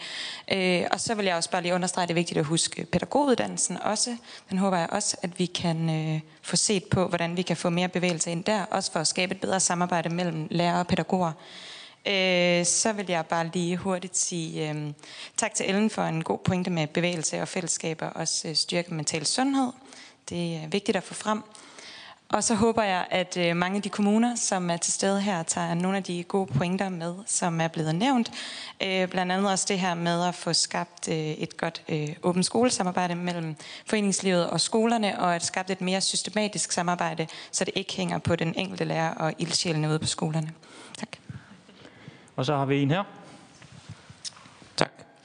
Malte Neist Larsen, øh, studieadjunkt ved Institut for Idræt og Biomekanik på Syddansk Universitet.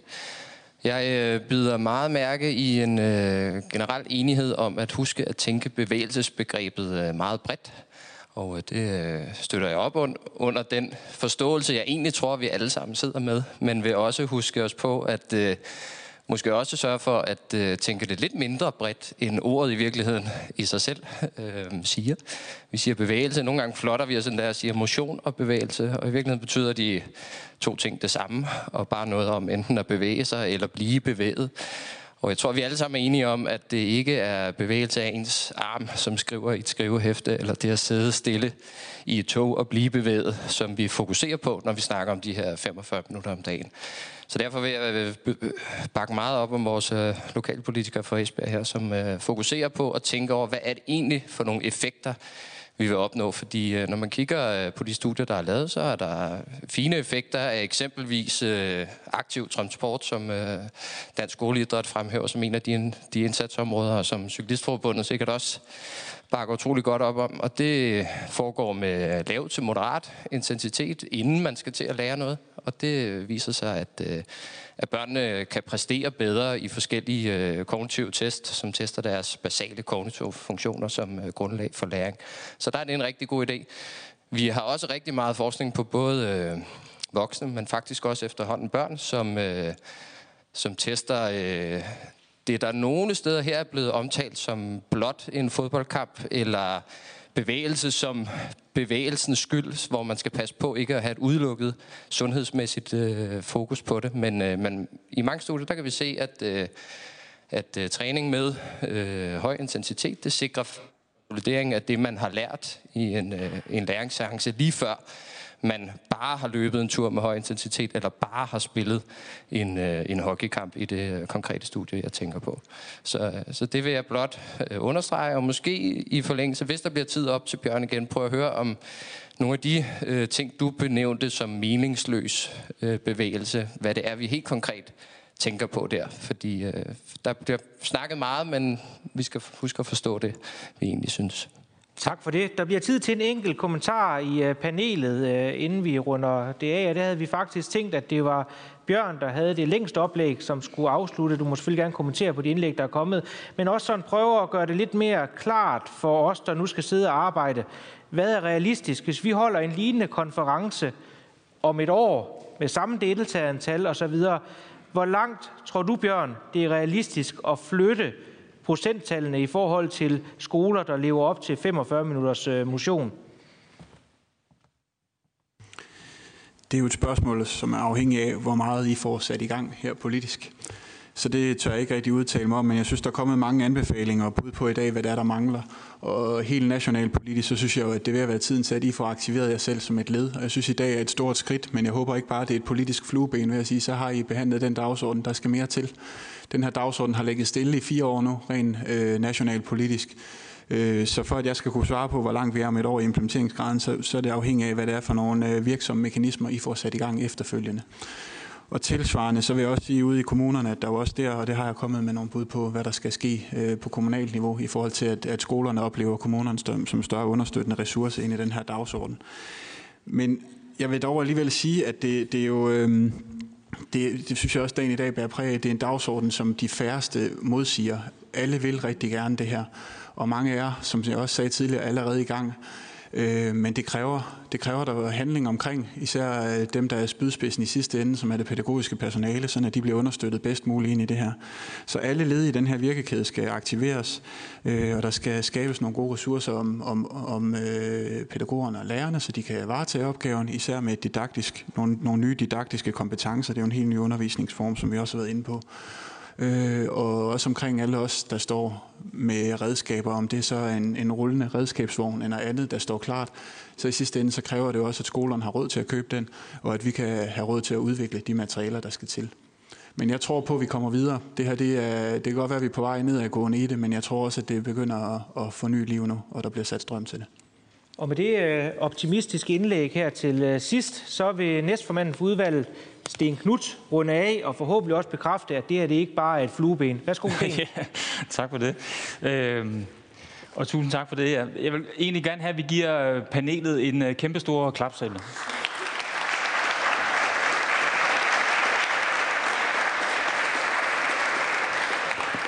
For jeg synes, jeg synes faktisk også med jeres hjælp, at vi har en rigtig fed samtale kørende, som er rigtig, rigtig vigtig på, på rigtig mange måder. Øh, jeg synes, øh, Ellen rammer det rigtig fint ind i forhold til, hvad, hvad bevægelse egentlig kan. Øh, også øh, der kommer fra den verden ved, også hvordan det hænger sammen. Så, så vi, får fuldt, vi får fuldt det her op, for det er så vigtigt, at vi får implementeret det. Jeg kan desværre ikke jonglere, øh, men, men til gengæld, hvis I klapper rigtig højt, så er jeg, jeg er femte dan i taekwondo. Og hvad hedder det, hvis jeg skal lave et flyvespark, så... Øh, ej, pjat. pjat. Med det. Det er en vigtig dagsorden. Øh, det er vi jo enige om, og, og jeg har haft øh, rigtig mange samtaler med rigtig mange af jer, der sidder derude på, på det her. Øh, og I skal blive ved med at mase på i forhold til det politiske. Øh, ikke kun mig, men også øh, alle de andre politikere. Og som Ellen også siger, altså vi vil forfølge den her dagsorden øh, 100 procent, fordi den er så enormt vigtig, at vi får, får gjort det. Øh, men det er også vigtigt, at, øh, og det er ikke fordi, jeg vil, vil, er efter kommunerne, fordi det var, det var ministeren jo efter. Hun har åbenbart en kuvert, den glæder jeg mig rigtig meget til at se, hvad der ligger i den kuvert, hvad det er, vi kan mase med i forhold til kommunerne. Men, men, øh, men egentlig er nok mere der, hvor Thea også er, at det her det handler om dialog. Det kan godt være, at det står i loven, men, øh, men det handler jo om dialog. Øh, og at øh, kommunerne også skal have nogle redskaber til at kunne lave nogle strukturer, der kan understøtte den kultur, vi gerne vil have ændret. Altså, øh, og det skal vi hjælpe hinanden med, og det tror jeg ikke, at vi, øh, vi øh, ved at tage loven frem og sige, det er sådan, jeg skal gøre, eller det, det skal man gøre. Øh, det handler om dialog, og det handler med, om dialog med, med lands, øh, landspolitikerne, lokale politikere, med KL og med alle jer som, som øh, medaktør. Jeg synes, det har været enormt inspirerende øh, at være sammen med jer, øh, og jeg håber, at vi kan kalde på jer igen om et år og fortælle, at øh, det, går, det går den rigtige vej i forhold til bevægelse. Tusind tak, fordi I kom. Kom godt hjem.